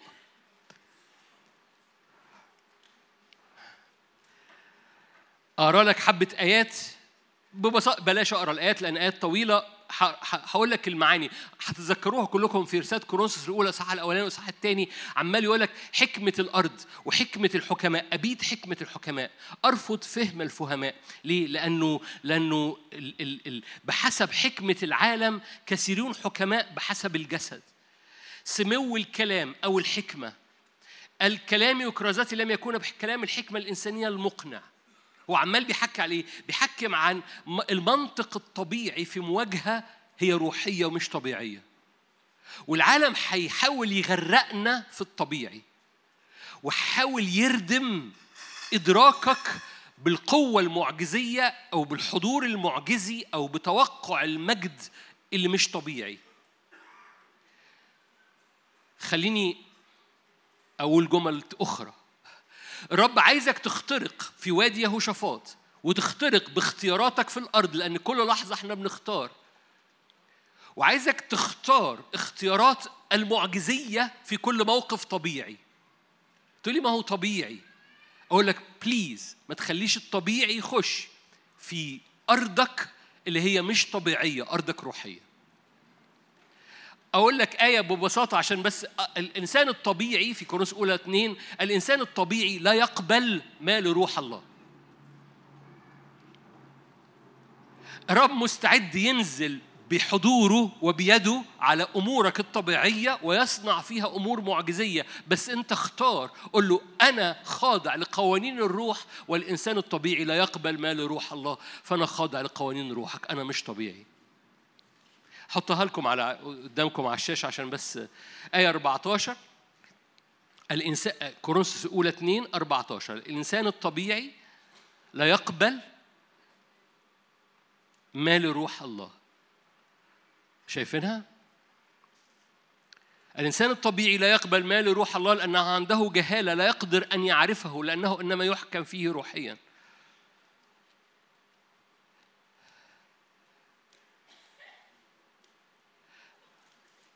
آية 25 من الإصحاح الأولاني جهالة الله أحكم من الناس ضعف الله أقوى من الناس. آية 20 في الإصحاح الأولاني أين الحكيم؟ أين الكاتب؟ أين مباحث؟ اللي بي- بيتباحثوا في هذا الدهر. ألم يجهل الله حكمة هذا العالم؟ ألم يجهل الله حكمة هذا العالم؟ لأنه إذ كان العالم في حكمة الله لم يعرف الله بالحكمة استحسن الله أن يخلص المؤمنين بجهالة الكرازة. عشان كده قال لا تشكلوا العالم لأن شكل العالم المنطقي الطبيعي سيزداد سواد. ليه بقول لك الطبيعي ما تدخلوش؟ لأن الطبيعي سيزداد سواد. ومن خلال الطبيعي ومن خلال كلمة ده طبيعي هيخش سواد ومن خلال هذا السواد هتلاقي نفسك مش قادر تحارب مش قادر تبقى الهوية بتاعتك كمملكة كهنة. هقول لكم آية يمكن ما خدتش بالك منها قبل كده. في أجندة وهذه الأجندة مش بس أنا بقولها بصورة نبوية الآية بصورة نبوية. هقرأ لك آية من إنجيل متى. بس هذه الأجندة أنا متأكد تأكدت منها بطريقة عملية بدون دخول في كلام كبير. في متى 28 هقرأ لك آية. أقرأ لك الآية الأول. الآية كلكم عارفينها بس أنا بقراها بصورة نبوية. متى 28 12 اجتمعوا مع الشيوخ ده اليهود وتشاوروا وأعطوا العسكر فضة كثيرة. ده رؤساء الكهنة. اجتمعوا مع الشيوخ وتشاوروا وأعطوا العسكر فضة كثيرة. قائلين قولوا أن تلاميذه أتوا ليلا وسرقوه ونحن نياما. سمع ذلك عند الوالي إذا سمع ذلك عند الوالي فنحن نستعطفه ونجعلكم مطمئنين. فأخذوا الفضة. خلي بالك هو في آية 13 كانت آية 12 كانت فضة كثيرة. أخذوا الفضة وفعلوا كما علموهم فش فشاع هذا القول عند اليهود إلى هذا اليوم. خليني أقول لك الجملة اللي جوايا بقى بصورة نبوية من هذه الآية. في أجندة مدفوعة وفيها فلوس كتيرة مدفوعة. عشان تلغي قوة الملكوت. في أجندة مدفوعة الأجر. دفعوا هنا في الآية دفعوا فضة كثيرة. عشان إيه؟ ما تقولوش بس إنه قام. ما تقولوش بس إنه قام. أنا باخد الآية ومش بح... مش بفسر الآية أنا باخدها بروح نبوي. في أجندة مدفوعة علشان الآيات والعجائب. no no no no الصلاة بالروح. no no no no الآمن بالمعجزة والطبيعي بتاعك يبقى مليان معجزة. في أجندة مدفوعة. الأجندة دي بتخش على كل حاجة. على كل حاجة ميديا على كل حاجة إنترنت على كل حاجة مبادئ العالم على كل حاجة في الطبيعي. على روح بابل اللي شغال بلاش إنترنت حتى. على روح بابل اللي شغال في الأرض. في. في سونامي من البرودة مدفوع الأجر. يعني في ناس دفعة وراه عشان يبقى أجندة مهدفة بس ما تقولوش إن في قوة قيامة. بس ما تقولوش الصلاة بالروح لساعات طويلة. بس ما تقولوش إن في آيات وعجائب النهارده. بس ما تقولوش إن رب يحرك ملائكته قدامكم ويفتح أبواب السجن. بس ما تقولوش إنه النار بتتقدم وعمود النار. ده كلام ده ك... ما تقولوش دي. ما تقولوش إنه قام فشاع ذلك الخبر؟ لأن دفعوا فلوس كتيرة. وفي سونامي من هذه البرودة لأن الوجه الحقيقي للأمور الطبيعية ابتدى يظهر. وسيزداد ظهوره في كل حاجة حوالينا. خلي بالك العالم هيقدم نجاح مبهر على قد ما بيقدم صغر نفس مبهر. والعالم اللي هيقدم نجاح مبهر عشان يسفلت بسونامي من البرودة التكريس. تقول العالم هيقدم نجاح؟ ده العالم بيقدم ده انت مش مدرك الاقتصاد. أقول لك هيقدم الحاجتين في نفس الوقت. هيقدم نجاح مبهر وهيقدم مخاوف غير عادية. خليني أقول لك تعبير الرب قاله لي من فترة كده. قال لي هقراه لك لأن أنا كتبته. العدو هيراهن بأكتر من الكروت اللي في إيديه. عشان كده العدو هيخسر لو أنت ما خفتش من وشه. هقول جملة مرة تاني العدو هيراهن بأكتر من الكروت اللي في إيديه. فهيرفع مستوى رهانه برغم إنه ما عندوش الصلاحية إنه يراهن على كده. بس القصة لو أنت خفت من وشه رهانه هيكسب. لو أنت ما خفتش من وجهه الكروت اللي جواه ما معهاش قيمة.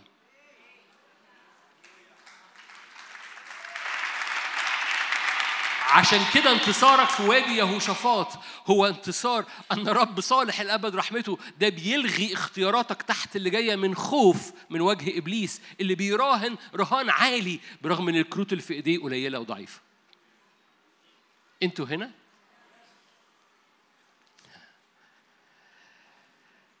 عالم الروح بيزداد وضوحا. في الأزمنة اللي جاية لأنه سونامي من البرودة. فالبرودة هتزداد وضوحا. السقعه هتبقى واضحة جدا. والسقعه ملهاش دعوة بالجو. أنا أذكر في في الثمانينات كنت في أحد البلاد بدون ذكر هذه البلد في في بلدنا في مصر. وكنت واقف في أغسطس وبعرق أكتر من اللي أنا بعرقه دلوقتي ورجليا في الفريزر. وكنت شاعر إيه ده؟ أنا فوق سخن. وتحت متلج وتاري في برودة خارجة من الأرض في هذه المنطقة في هذه القطعة من الأرض النهاردة لما بروح هذا المكان هذه البرودة مش موجودة برودة خارجة من الأرض سقعة لدرجة إن رجليا وجعتني من الصقيع ليه؟ في سقعة تحت جدا في برودة عالم الروح سيزداد وضوحا والبرودة والسونامي بتاعها اللي بيردم فجأة تحس إيه الأفكار دي وإيه إيه الغباء ده وإيه. إيه. إزاي وصلنا لهنا؟ عمال بيزداد في الأرض. زي ما عالم الروح السلبي والبارد بيزداد إعلان الله سيزداد بكل وضوح. لأن عالم الروح سيزداد وضوحا في الأزمنة الجاية. أنتوا هنا؟ طولت عليكم؟ مرة تاني هناك روح. مش عايز أخش في تفاصيل ما تتقالش بالطريقة بهذا الوضوح. بس بقولها من آية متى 28 هناك روح بيدفع فلوس كتيرة. علشان يردم أي إدراك لقوة الملكوت في حياتك. فدفعوا فلوس كتيرة عشان ما يتقالش إن يسوع قام. أنا عارف دي قصة لها علاقة بالزمن بس أنا باخد صورة نبوية وعندي شواهد عملية. ومش على مستوى صغير على مستوى الكرة الأرضية. في حاجة بتحصل إن الكنيسة ما توقفش في المكان الناري فوق جبل الرب بتصلي بالروح بإيمان مليانة نار مليانة إدراك وبتزق من أجل استعلان الملكوت على الأرض. إبليس مش سايب القصة دي عادي ده بيضخ بأجندة من أجل توقيف الحالة دي. ما عندوش مشكلة إن تبقى كنيسة نايمة ما عندوش مشكلة مش كنيسة مش مصدقة في قوة ربنا. ما عندوش مشكلة في كنيسة بتحب كلمات يسوع لكن قوة يسوع دي قصة تاني. عشان كده هخش عشان أختم. هناك على مستوانا بقى وده اللي هنصلي من أجله. وفي الاجتماع اللي جاي هخش في حبة تفاصيل ل 23 في طالع ونصلي برضو بتوبيك تاني. بس في ال topic ده كنيسة الرب كنيسة الرب وكنيسة الرب اللي بتتكلم باللغة العربية في منطقتنا مش بس في مصر لكن في منطقتنا وفي الكرة الأرضية من بلاد تانية. هناك زمن جاي لاختيار لأن ده اختيار. اختار استرداد المجد مش استرداد المسحة. الكنيسة لازم تنشن على استرداد المجد في حياتها على مستوى شخصي وعلى مستوى عام. المجد مش كلمة طايرة في الهواء المجد أحد أسلحة الزمن اللي جاي. المجد مش حاجة خفيفة. المجد مش مسحة رداء مسحة مسكوب على واحد أو على اتنين أو على اجتماع أو على اجتماعين في العالم العربي. المجد مش رداء مسحة. المجد حاجة اسمها تقل من لمعان حضور إلهي. المجد اختيار. المجد أنت بتختار. الرب عارض ليك. وهنشوف مع بعض سمات الوظيفة بتاعتك في الزمن اللي جاي وهمليك يمكن ال- الاجتماع اللي جاي سمات الوظيفة لأن حريص إنك تبقى مدرك هتشتغل إيه من 23 فطالع. لكن المجد اختيار وفي كل لحظة حضرتك بتختار لأن ده وادي القضاء في الأرض. في السماويات في يهوشافاط أنت بتسبح الرب وبتعلن الرب وبتختار تسبح تقدم ذبيحة تسبيح. بس في الأرض أنت بتختار وممكن تختار حاجات حلوة زي المسحة. بس في الأزمنة اللي جاية المسحة مش هت مش هتقطع. المجد هو اللي هيقطع. موسى رفض إنه يكمل مع ملاك والملاك ده كان ممكن بيحمل معاه مسحة بيحمل معاه نعمة لأن الملائكة كثيرا ما تحمل معاها زيت في الكتاب المقدس وفي التقليد القديم. فكتير الملائكة بتحمل معاها زيت بتحمل معاها مسحة والرب قال له أنا هبعت معاك ملاك. قال له no مش بتحرك مع ملاك. كلكم عارفين التعبير اللي بقوله دايما. ما خرجتش من مصر عشان أمشي مع ملاك. أنا خرجت من مصر عشان أمشي معاك. وقام وقام دخل جوه الخيمة موسى. ليه ده موقف ده stop ده ده وليكون ال- الأسبوعين اللي فاضلين في هذه السنة آه، بتخش لل- للمخدع بتاعك أنت والآب وتقول له أنا بص أنا مش أنا مش هكمل عادي أنا مش هكمل حتى بالمسحة مش هكمل مع ملاك. أنا بسترد تقل. كلكم عارفين أخذ ثلاث صلوات والثلاث صلوات دي لازم يكونوا صلوات لكل خادم وخادمة وخادم وخادمة يعني حضرتك وحضرتك بلا استثناء لأن انتهى زمن الكليروس وشعب. المملكة كلها اسمها مملكة كهنة. المملكة كلها اسمها مملكة كهنة. أنزل بالفوطة وامسح. المملكة كلها مملكة كهنة. توضيحا لحسن تكون لحسن حد يفهم غلط. أنا مش بتكلم عن وظائف في بعض الطوائف اسمها كهنوت. مش بتكلم عن ده أنا بتكلم عن غسلنا من خطايانا بدمه وجعلنا ملوك وكهنة. ففي وظائف دي قصة تانية لكن جميعنا مصليين متشفعين قدام الرب. حد فاهم؟ آه، المفروض أنتوا عارفين كده بس ده إيه؟ ديسكليمر زي ما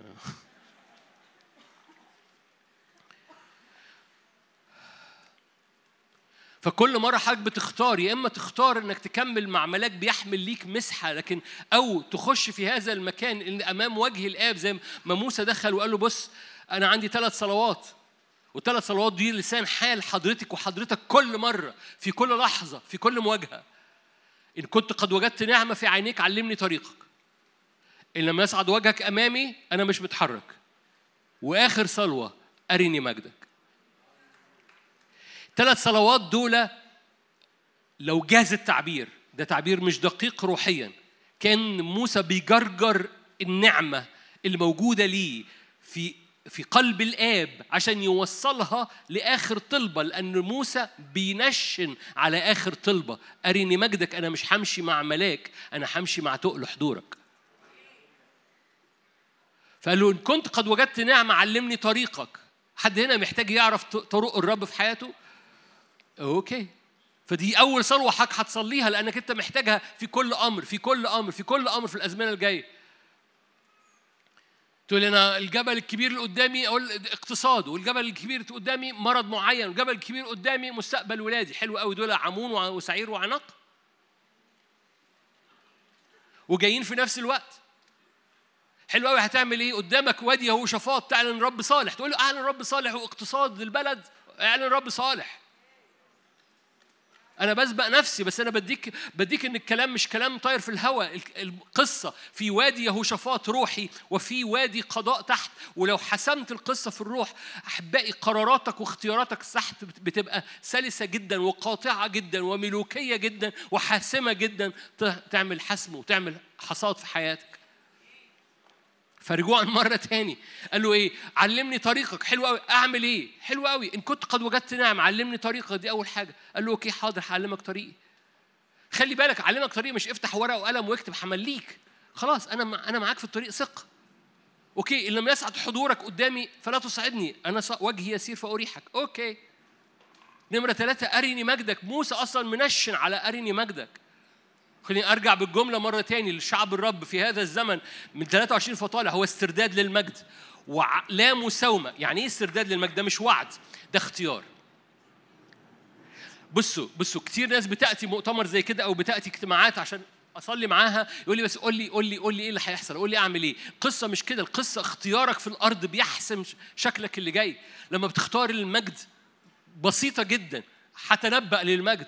لكن لو اخترت التوهان بسيطة جدا. اختيارك مهم جدا. عشان كده القصة ال اهو ماشي. مش هتمشي في الزمن الجاي. كله ماشي. مش هتمشي. طبيعتنا الشرقية بتميل لكده. معلش كله ماشي. حبيبي ده في في وادي خ... اسمه إيه؟ خروس. ده وادي القضاء ده وادي سكين من الذهب بيقطع كسكين حاسم زي المنجل. فاكرين؟ لا تقول أنا دودة أجعلك منجل؟ تدرس الجبال؟ ده إيه؟ ده ده في ده, ده في حاجة من طبيعتك في سيف بيحسم لأن ده اختيار. ال- المجد اختيار. المجد مش صدفة بتحصل مع حياتك المجد اختيار. فاكرين في حجي مش هفتحها؟ مجد البيت الأخير؟ عارفين أنتوا الايه مجد البيت الأخير أعظم من مجد البيت الأول. هو إيه المجد البيت الأخير؟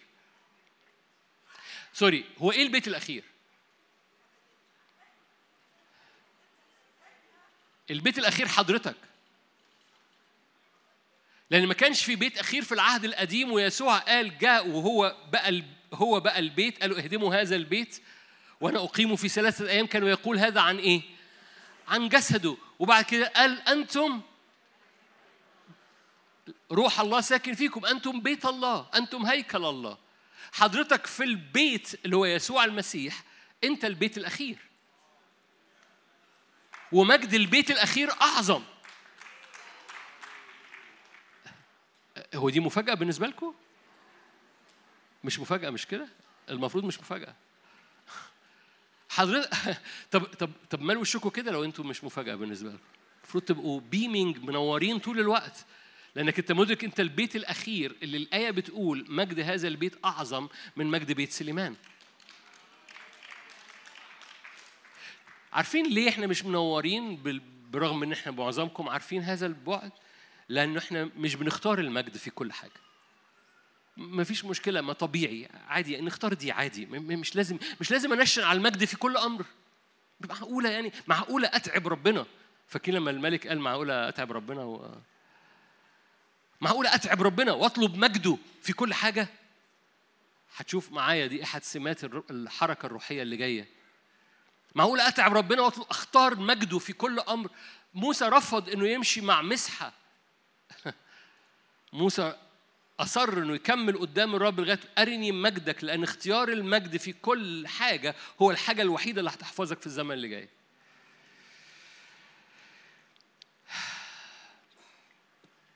كتبت حبة جمل.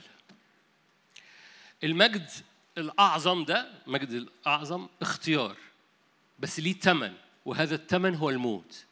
الموت إنك تموت عن الأنا. في ثمن لهذا الاختيار إن مجد البيت الأخير يبقى أعظم في حياتك إن لا أنا. إن أنا بطلب هذا المجد فأنت المحور. أنت الأجندة بتاعتي ما عنديش أجندة شخصية. أنا عايز تقل مجدك يغطينا. كل حاجة أعملها أنا عايزها من غير ما يكون فيها اسمي. فقط اسمك لأن مجدك أنت لا تعطيه لآخر. هناك ثمن لاختيارك المجد فهو مش جملة أنا بختار مجدك. هو وراها ثمن أنا بختار لا أنا فبختار مجدك. Are you here? عشان كده المجد مش مكان بصوا المسحة وانت في المسحة حاجات كتير ممكن رب يعديها لك وانت في المجد رب مش هيعديها لك. فالمجد مكان خطير. تعالوا نروح لسفر الخروج. أنا بخلص صدقوني النهاردة. المجد مكان خطير. المسحة مكان ممكن حاجات فيه تعدي. لكن المجد مكان فيه حاجات ما بتعديش. عشان كده يجب إنك تكون دفعت الثمن وإنت بتطلب المجد. والثمن زي ما قلت لك هو لا أنا. سفر الخروج. أقول لكم حالا. خروج 33 في خروج 33 موسى عمل الموقف اللي أنا قلت لك عليه إن كنت قد وجدت نعمة علمني طريقك. بعد كده قال له إن لم يسعد وجهك وبعد كده قال له أرني مجدك. آية 18 في خروج 33 قال أرني مجدك. فقال الرب أجيز كل جودتي قدامك. أنادي باسم الرب قدامك أتراءف على من؟ أتراءف أرحم من أرحم. ولكن لا تقدر أن ترى وجهي. آية 20 شايفينها؟ أنتوا جمال. لا تقدر أن ترى وجهي. ممكن أتعبك معايا؟ حطي آية 11 آخر معلومات إن آية 20 بتأتي بعد 11 مش كده؟ عندكم المعلومة دي؟ آية 11 آية 20 بتقول لا تقدر أن ترى وجهي وتعيش. آية 11 يكلم الرب موسى. لا في نفس الإصحاح يا بنتي. أنا آسف أنا أنا آسف أنا ما كنتش واضح. في نفس الإصحاح خروج 33 آية 11 آية 11 ونحط في ال... ال- الويندو الثاني نفس إصحاح برضو 33 وآية 20 قاعدين تشوفوا حاجة في الشاشة؟ أوكي. آية 11 بتقول يكلم الرب موسى وجها لوجه. آية 20 بتقول لا تقدر أن ترى وجهي. Are you here؟ آية 20 لا تقدر أن ترى وجهي. آية خروج 33 آية 11 ببساطة موسى اللي كان في الخيمة في المخدع بيرى وجه الرب. في المجد قدام الناس قصة تاني. هقولها مرة تاني. موسى في الخيمة الشخصية في آية 11 دي الخيمة الشخصية. خروج 33 صدقيني. خروج 33 11 يكلم الرب موسى وجها لوجه ده في الخيمة الشخصية. خروج 33 20 قال له لا, لا يستطيع أن ترى وجهي. لأن ده قدام الناس. في حياتك الشخصية الرب سيرى ويرى بمجده في قلبك. لكن أول ما الكنيسة هتطلب مجد الرب ده ليه ثمن طيب خلاص أنا آسف. انسوا الفكرة خلاص. أنا بتوب أمام الله والناس.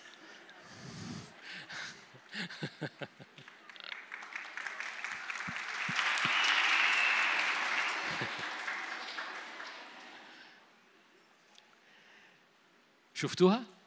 نقلب بقى. يكلم الرب موسى وجها لوجه كما يكلم الرجل صاحبه. في نفس الإصحاح يعني دي آية 11 آية 20 قال لا تقدر أن ترى وجهي. إيه الفرق ما بين دي ودي؟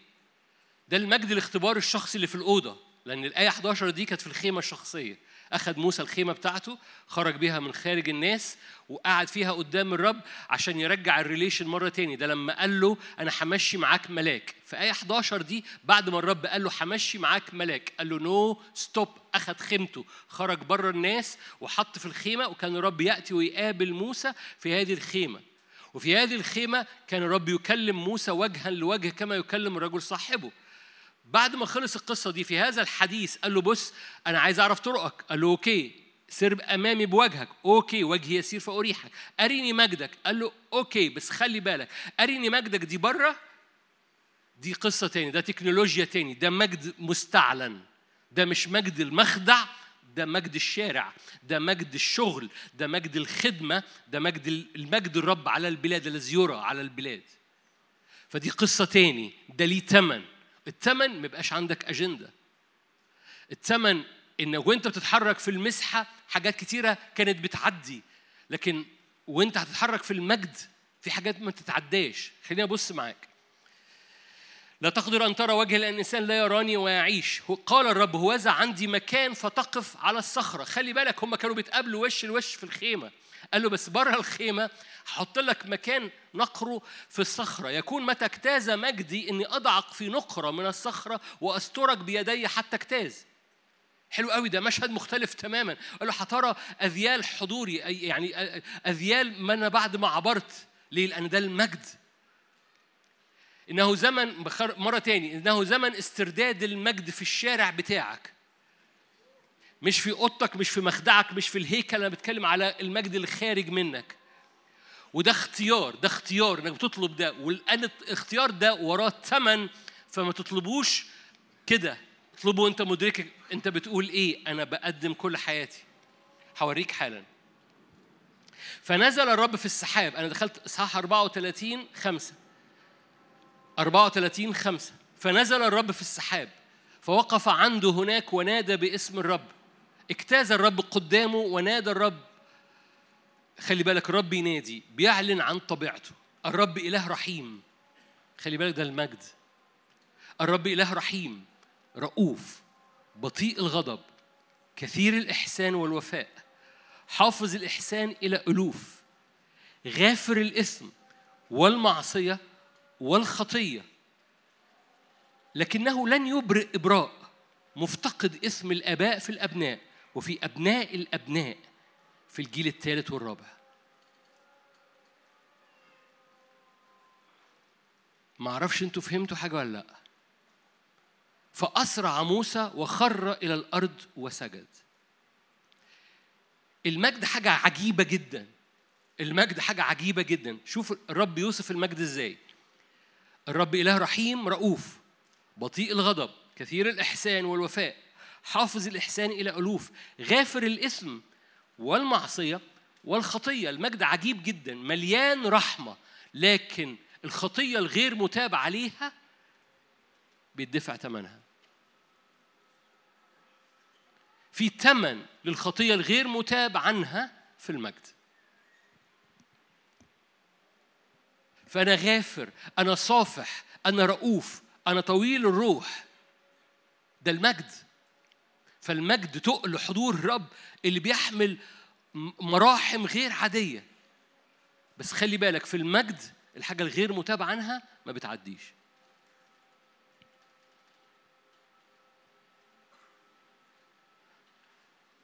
ما أعرفش عنك بس لو أنا قاعد مكانك وأنا قعدت كنت قاعد مكانك لما كان ربنا بيكلمني كان جوايا بعد دقيقتين من السكت سكوت كده قلت له ما فيش مشكلة. هتوب عن كل حاجة.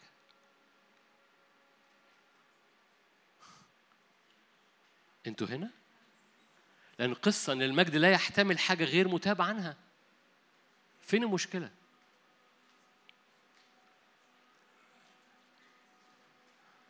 لو أنا ميت لو أنا بدون أجندة لو أنا كل حاجة لي أنا مستعد أتوب عن أي حاجة. أنا مستعد أتغسل من كل حاجة. مستعد أتفق مع العدو لو جواه فكره ضدي. okay يا عم أنا هتوب عن دي أنا هستخبى في المجد لأن المجد مليان مراحم ورأفة وجود وصلاح وطول اناه المجد الرب إيه؟ رحيم رؤوف بطيء الغضب كثير الإحسان والوفاء حافظ الإحسان إلى ألوف غافر الإسم والمعصية والخطية. ايا كان النوع اللي عندي إسم ولا معصية ولا خطية خلي بالك دول ثلاث أنواع. المجد بيغطيهم. okay. الحاجة الغير متاب عنها مش هعديها. okay.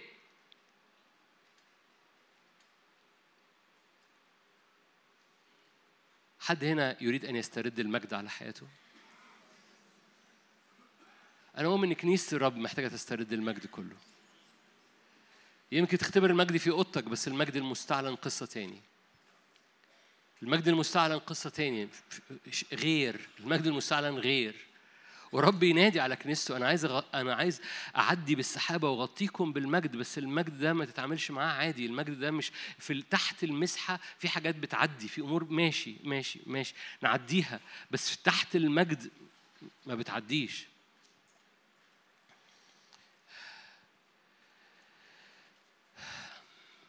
عشان الوقت. كلكم عارفين مجد البيت الأخير أعظم أنا أختم لما ما فيش خدمة بدون مجد ما فيش اجتماع في في محافظة بدون مجد مقاصد الرب. بصوا في كورنثوس الثانية ده كان أزمنة مواجهة. في كورنثوس الثانية كان أزمنة مواجهة وقال في ضيقة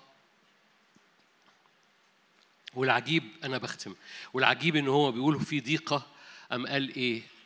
علاجكم حاجة واحدة المجد. إن كانت خدمة موسى في مجد كورنثوس الثانية ثلاثة كانت خدمة الدينونة في مجد فكيف لا تكون بالأولى خدمة الروح في مجد؟ كانت خدمة موسى اللي في مجد وجه الزائل في مجد. إن كانت خدمة الدينونة مجد فكان بالحري خدمة البر في مجد. أنا بقرأ من كورنثوس الثانية ثلاثة إن كان الزائل في مجد آية 11 فبالأولى كثيرا يكون الدائم العهد الدائم العهد الجديد في مجد. آية 18 كورنثوس الثانية ثلاثة نحن جميعا ناظرين إيه؟ جميعا ناظرين مجد الرب ده اختيار. المجد اختيار. ولو اخترت المجد فيه ثمن والثمن هو لا أنا ثمن إنك تموت. والثمن إنه مفيش خطية غير متاب عنها. لأن الرب حافظ العهد والرحمة رؤوف. أكمل معاك. من أجل إذ لنا هذه الخدمة خلي لا سوري كمل آية 18 جميعا ناظرين مجد الرب وجه مكشوف كما في مرآة تغير إلى تلك الصورة عينها من إيه؟ فإحنا ناظرين مجد والمجد عمال بيزداد. ده زمن استرداد المجد في الكنيسة العربية. زمن استرداد المجد في كل اجتماع حضرتك موجود فيه. تقول لي مش أنا مش أنا مسؤول عن الاجتماع أقول لك حضرتك مسؤول في في الاجتماع لأنك بتحضره. ولانك بتحضر هذا الاجتماع أنت مسؤول فيه. اطلب المجد إنه يرى في الاجتماع اللي أنت بتحضره. ايا كان كنيستك ايا كانت طائفتك ايا كانت خلفيتك. في أجندة عشان يتسحب المجد من الكنيسة وفي أجندة إلهية عشان مجد البيت الأخير يصير أعظم من مجد البيت الأول. في أجندة على حياتك إنك تختار المجد لأن ده وادي الاختيار ده وادي القضاء ده الوادي اللي بتجتمع فيه الأمم وبيعملين عندهم أجندة عشان ما تقولوش إن يسوع قام. عشان يلغي قوة القيامة عشان يلغي قوة الآيات والعجائب. عشان كده أحد سمات خدمة وحركة الروحية في الأزمنة الأخيرة هنحكي عنها الاجتماع اللي جاي. هي الآيات والعجائب. لأنه عنده أجندة ادوا إدوا فضة كتير. إدوا فضة كتير. عملوا أجندة عالية. أنا بكرر عشان عملوا أجندة عالية علشان بس إيه نعمل برودة في الجو. خلي بالك كلنا أي حد عايش في العالم ال- السونامي ده بيعدي عليه. وانت بتختار لأن ده وادي اختيار. من أجل ذلك إذ لنا هذه الخدمة خلي بالك صح أربعة الأعداد الأولاني. من أجل هذا إذ لنا هذه الخدمة أربعة واحد. إيه الخدمة؟ خدمة المجد. إذ لنا هذه الخدمة كما رحمنا لا نفشل. حلو قوي فبولس ستف إن القصة أي خدمة هي خدمة المجد. آية أربعة الذين فيهم بيتكلم عن غير المؤمنين الذين فيهم إلى هذا الدهر أعمى أذهان غير المؤمنين لئلا تضيء لهم إنارة إنجيل يبقى ده مش إنجيل المسيح ده إنجيل إيه؟ هللويا ده مش إنجيل المسيح ده إنجيل إيه؟ إذا هناك محاولة أنه يبقى إنجيل المسيح فلسفي مش إنجيل مجد المسيح الروحي.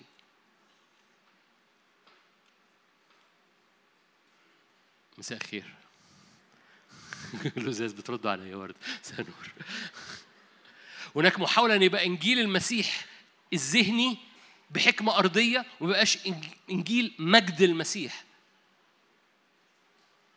فخلي بالك عشان أذهان غير المؤمنين تضيء بتحتاج إنارة إنجيل نوع معين اسمه إنجيل مجد المسيح الذي هو صورة الله حلو قوي آية خلي بالك هو عمال يتكلم عن المجد. آية خمسة لسنا نكرز بأنفسنا. لأن المجد بيلغي إيه؟ بيلغي الأجندة الشخصية. ما ما ما في أجندة شخصية ما فيش مجد. المجد بيعتذر. سوري بنسحب. المجد بيعتذر. لو في أجندة شخصية المجد بيعتذر. لو في لا أنا المجد بي- بيجد مساحته لأن الرب مجده لا يعطيه لآخر.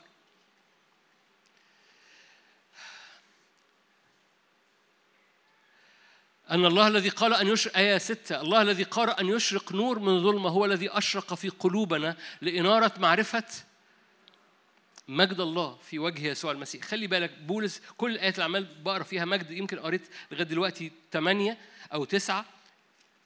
تسعة فيهم آيات عن المجد. أقرأ لك آية كمان وده بولس بيحكي في زمن في ضيقة. أقول لك مثل آية 16 4 16 لا نفشل. لا نفشل. إن كان إنساننا الخارج يفنى فالداخل إيه؟ يتجدد يوما فيوما لأن خفة ضيقتنا الوقتية تنشئ لنا أكثر فأكثر. مجد تقيل مجد تقيل عشان أختم هختم بهذا الشاهد في أشعيا ونصلي أشعيا 30 هنصلي لإيه؟ هنصلي من أجل استرداد المجد في الكنيسة العربية استرداد المجد اختيار المجد في كل اجتماع اختيار المجد في كل بيت في كل أسرة في كل اجتماع اختيار المجد لأن مفيش خدمة غير خدمة المجد. لو في أجندة خاصة المجد بيعتذر. بتتحرك بحسب قوتك بحسب أفكارك بحسب حكمتك بحسب ذكائك لكن بتتحركش بحسب المجد. المجد المجد مربوط بمخافة ربنا بالمناسبة لما المجد بيزور اجتماع فاكرين لما مجد زار هيكل سليمان لم يستطيع الكهنة أن يقفوا لأن سحاب الرب ملأ بيت الرب لأن مجد الرب ملأ الهيكل. المجد لما بيزور مفيش راس بتطلع لفوق كده وتقول أنا أهو. المجد لما بيزور كل راس بتنحني. ده زمن استرداد مجد الرب فتختفي كل أمور فيها فيها أي أجندة شخصية فيها أي حتى أجندة شخصية مش بس كبرياء أجندة شخصية فيها ضعفاتي وأنا عامل ليها مقام. أنا عامل مقام لضعفاتي. ورب يلغي هذا المقام. يقول لك أنا بس أنا بس. اشعيا 30 اشعيا 30 بيحكي عن مستويين مستوى من مؤمنين بيهربوا من أي حاجة بيخافوا من أي حاجة. آية 16 قلتم على خيل نهرب. إحنا خايفين قوي خايفين من اللي بيحصل خايفين من اللي هيحصل. في نبوات سلبية كتير عن الزمن اللي جاي. هنحكي عن نبوات سلبية في الاجتماع اللي جاي. واليوم تصنيفه هصنفها معاكم في أول الاجتماع اللي جاي. ففي في ناس بتوقع حاجات سلبية كتيرة. على خيل نهرب. لذلك لذلك تهربون. آية 16 دي الكنيسة الخفيفة مش تقيلة. فاكرين بقالي فترة عمال بحكي عن كنيسة ولاد سكاوى ولاد سكاوى وقفوا قدام أرواح الشر وقالوا باسم يسوع وباسم اللي بولس بيقول عليه. اخرج. أرواح هم هربوا قدام أرواح الشر. أرواح الشر قالت يسوع عارفينه بولس عارفينه. عارفين اسم يسوع عارفين بولس. أنتوا مين؟ دي كنيسة ما فيهاش مجد. دي كنيسة مش تقيلة. كنيسة بتهرب من أي موقف أي تحدي. فخرج ولاد سكاوى هربانين. دي بسميها كنيسة ولاد سكاوى قلتم لا لأن الرب كان بيعب بيقول لهم اهدوا ثقوا بالرجوع والسكون تخلصون بالهدوء والطمأنينة تكون قوتكم. قالوا لا على خيل نهرب.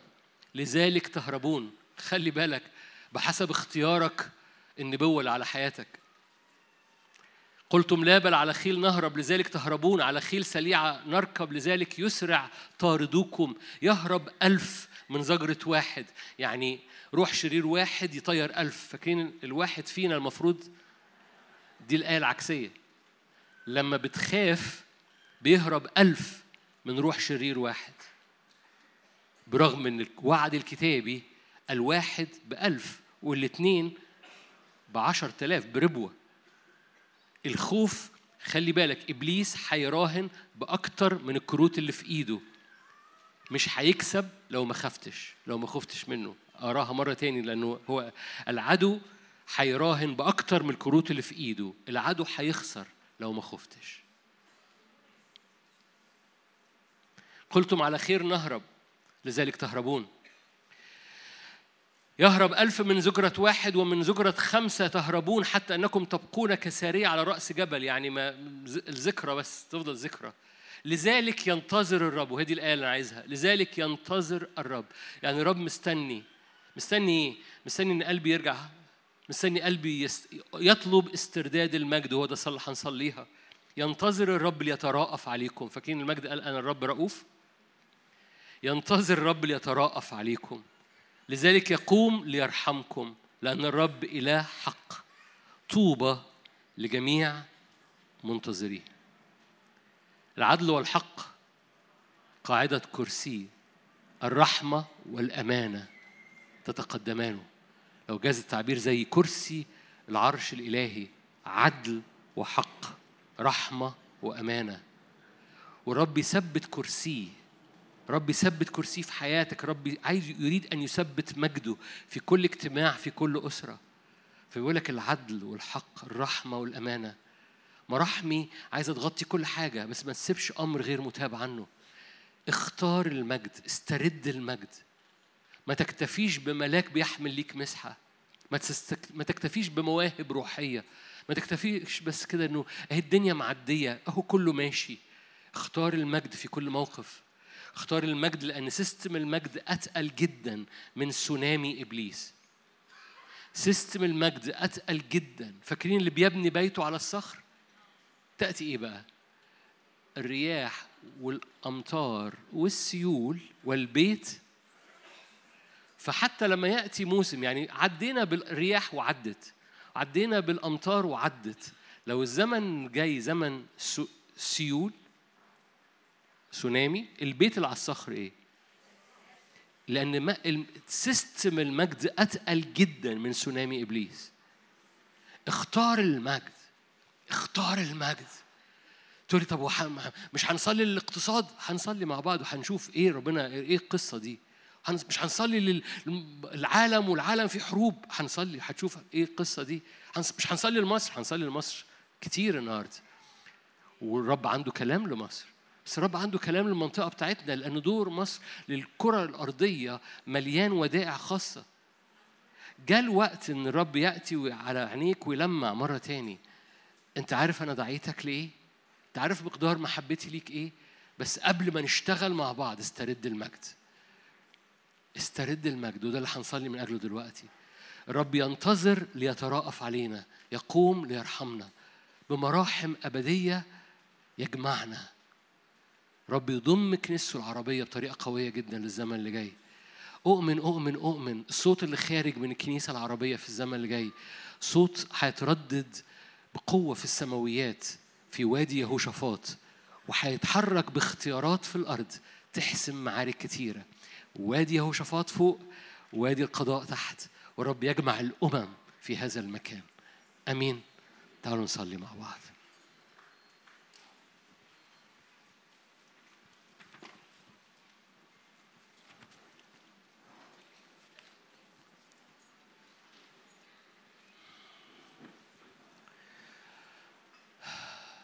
أبويا السماوي صلي معايا من فضلك. خد دقايق كده صلي وبعد كده نخرج مع بعض حالا. إحنا بنختار. جينا النهارده عشان نختار. أمام وجهك بنختار. أمام اسمك بنختار. أمام كلمتك ودعوتك النبوية لحياتنا بنختار.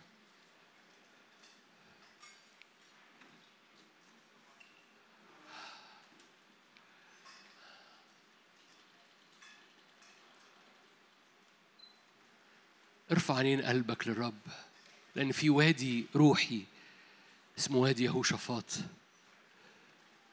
في وادي روحي فوقيك. بني عمون وبني عناق وبني سعير بيحاولوا يحصروه بيحاولوا يحصروه وحسم هذا الوادي هو من خلال إعلان أن الرب صالح أن إلى الأبد رحمته. عهده معانا إنه إله جود. آمنت إني أرى جود الرب في أرض الأحياء. أرى جود الرب في أرض الأحياء. ردد معايا بس. جود الرب. إني أتتبع جودك أيها الرب. أنت إله مليان صلاح وجود لنا. أنا برفع إيدي ليك. عهدك معي على حساب دم يسوع المسيح على حساب فدا يسوع. عهد رحمة عهد رأفة عهد جود عهد أمانة. قال داود صنع معي عهدا متقنا في كل شيء ومحفوظ. أفلا يثبت لي كل خلاصي؟ وكل مسرتي وكل بيتي. أستأذنك في البيت أو في الخيمة ارفع إيدك وقول له يا رب أنا بعلن عهدك بعلن صلاحك بعلن جودك. كأن بنستخبى في إعلان أنك إلى الأبد رحمتك إلى الأبد رحمتك. مجدك بيقول أنك رحيم رؤوف بطيء الغضب طويل الروح غافر الإثم والمعصية والخطية إلى ألف جيل. رافعين عهدك علينا ومظلة حضورك ومظلة دمك وفداء علينا على بيوتنا على مستقبل أفلا يحفظ أفلا يثبت لي كل بيتي كل مسرتي كل خلاصي. لأن الرب صنع لي عهدا متقنا في كل شيء ومحفوظ. أفلا يثبت لي كل بيتي كل خلاصي كل مسرتي. هللويا. عهد نعم عهد جود. غطي اتغطى من فضلك اتغطى اتغطى. لو انت مش مش فاكر انت انت متغطي ولا مش متغطي تغطى غطي. لملم كل حاجة. لا خلي بالك هو غافر الاسم والمعصية والخطية. ماضي حاضر ومستقبل هو اله عهد. بنستخبى فيه بنستخبى في مجده بنستخبى في حضوره.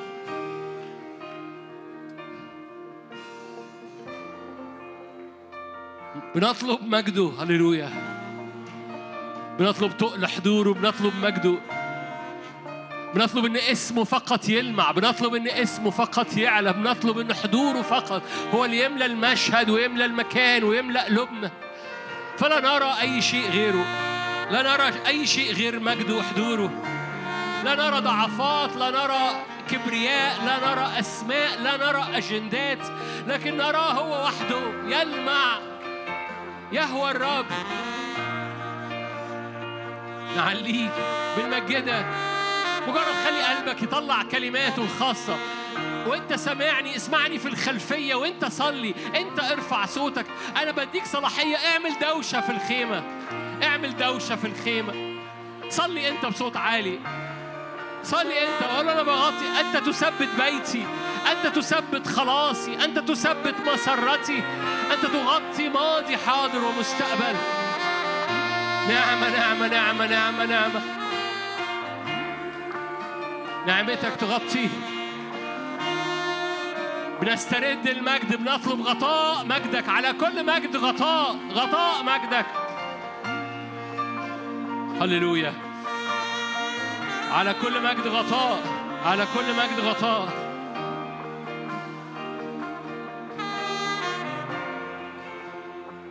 إذا غسل السيد إذا غسل السيد قذر بنات صهيون ونقى دم أورشليم من وسطها بروح القضاء وروح الإحراق. إذا غسل الرب قذر بنات صهيون ونقى دم أولادها بروح القضاء وروح الإحراق. مد إيدك اذا غسل الرب قذري. يخلق الرب في كل مكان في حياتي. مجد. يخلق الرب في كل مكان في حياتي. سحابة مجد نهارا. دخان لمعان نار ملتهبة ليلا. إذا غسل الرب قذر حياتي. إذا غسل السيد قذر حياتي. يخلق الرب في كل مكان من حياتي. سحابة نهارا. لمعان نار ليلا لأن على كل مجد غطاء. لأن على كل مجد غطاء. هللويا.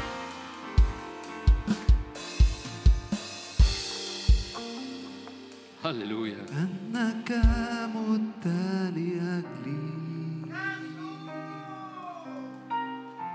لأن لأنك حملت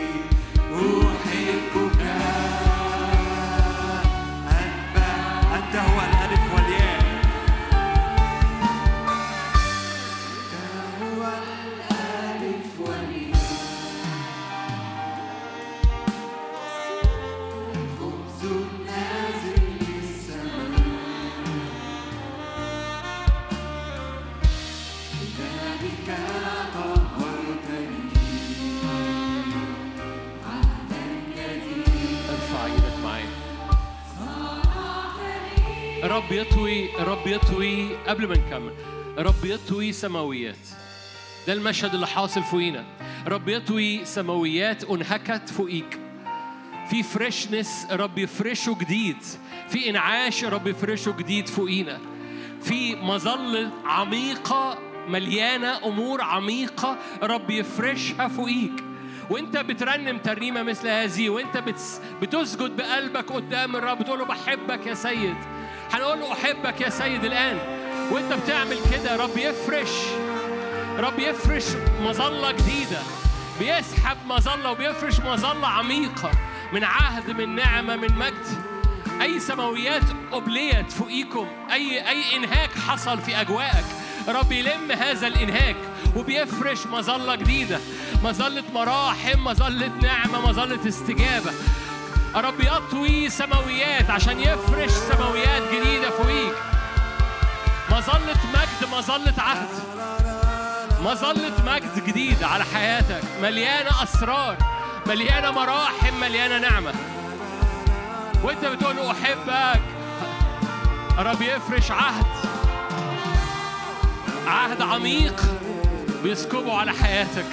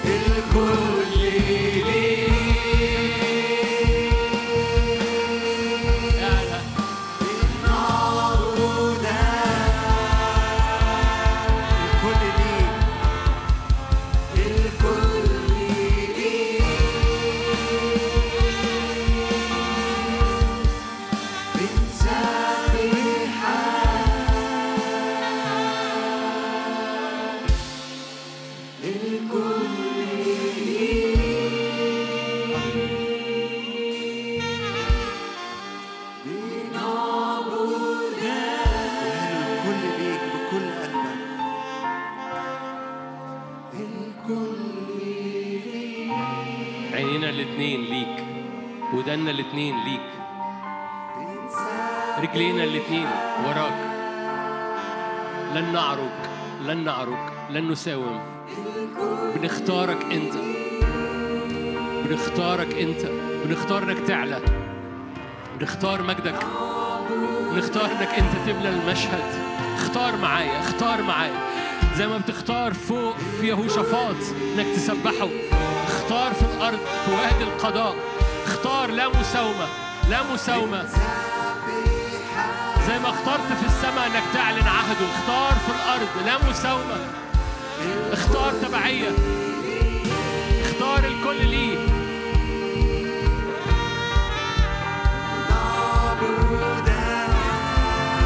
وادي القضاء بيجتمع في كل الأمم.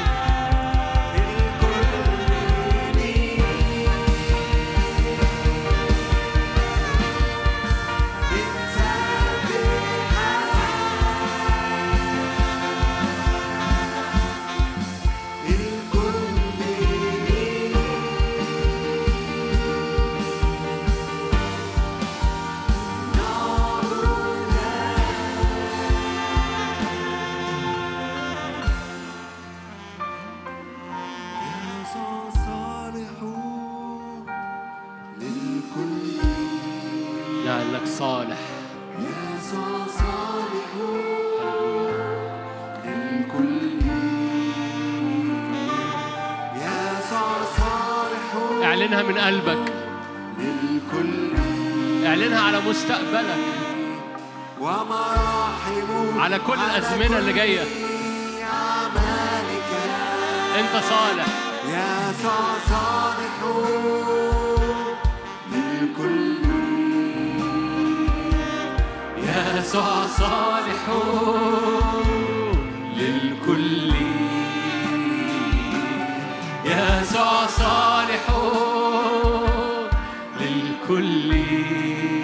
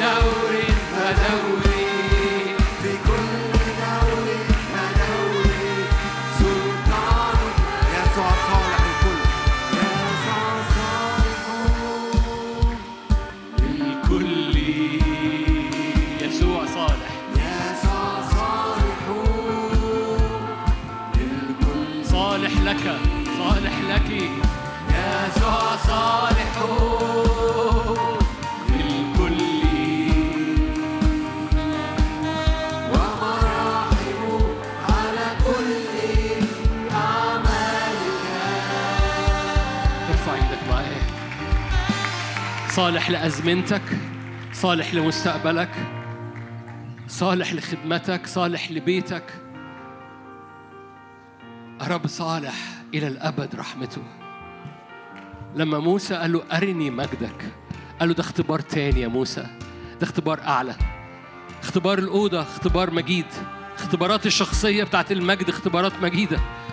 لكن عايز ترى مجدي في أرض يسكن المجد أرضك ده اختبار أعلى. هعمل لك نقرة وأنا سأعبر. رب يريد أن يريك مجده حتى بالاختبار الأعظم لأن مجد البيت الأخير أعظم. رب يريد أن يري مجده في أرضك. يسكن المجد أرضنا. رب يريد أن يري مجده في أرضك.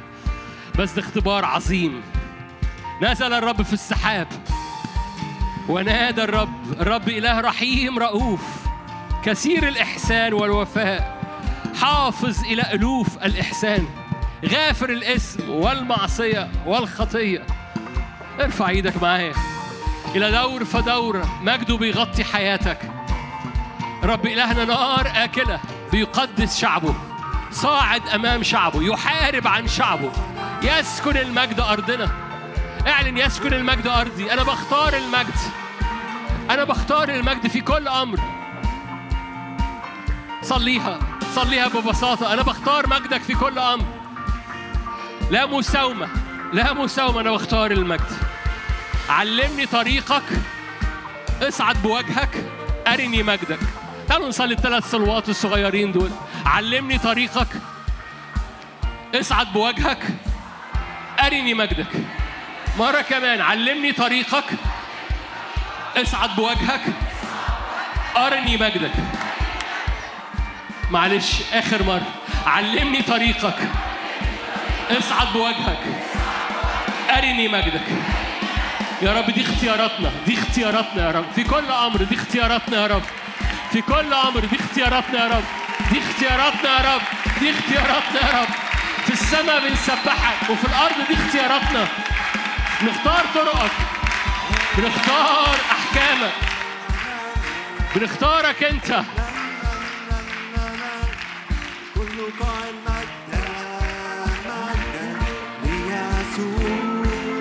هللويا الكل قائل مجدا. نختار مجدك.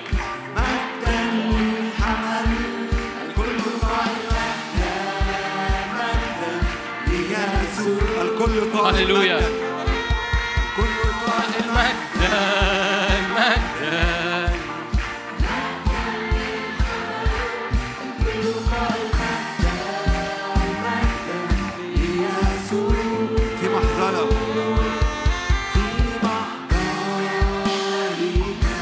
لا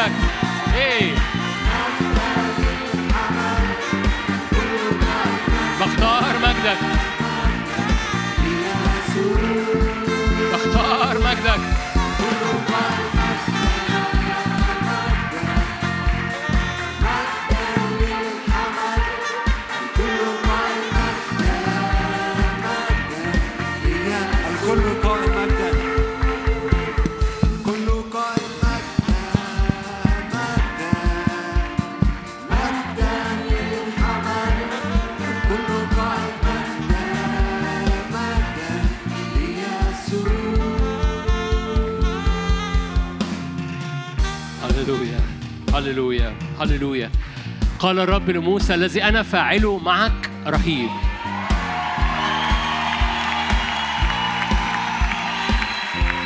بصوا شعب شعب بينتصر في وادي يهوشافاط. أكمل الجملة. شعب بينتصر في وادي يهوشافاط وبيختار صح في وادي القضاء شعب أبطال لا يقف أمامه سدود. شعب بينتصر في وادي يهوشافاط وبيختار صح في وادي القضاء.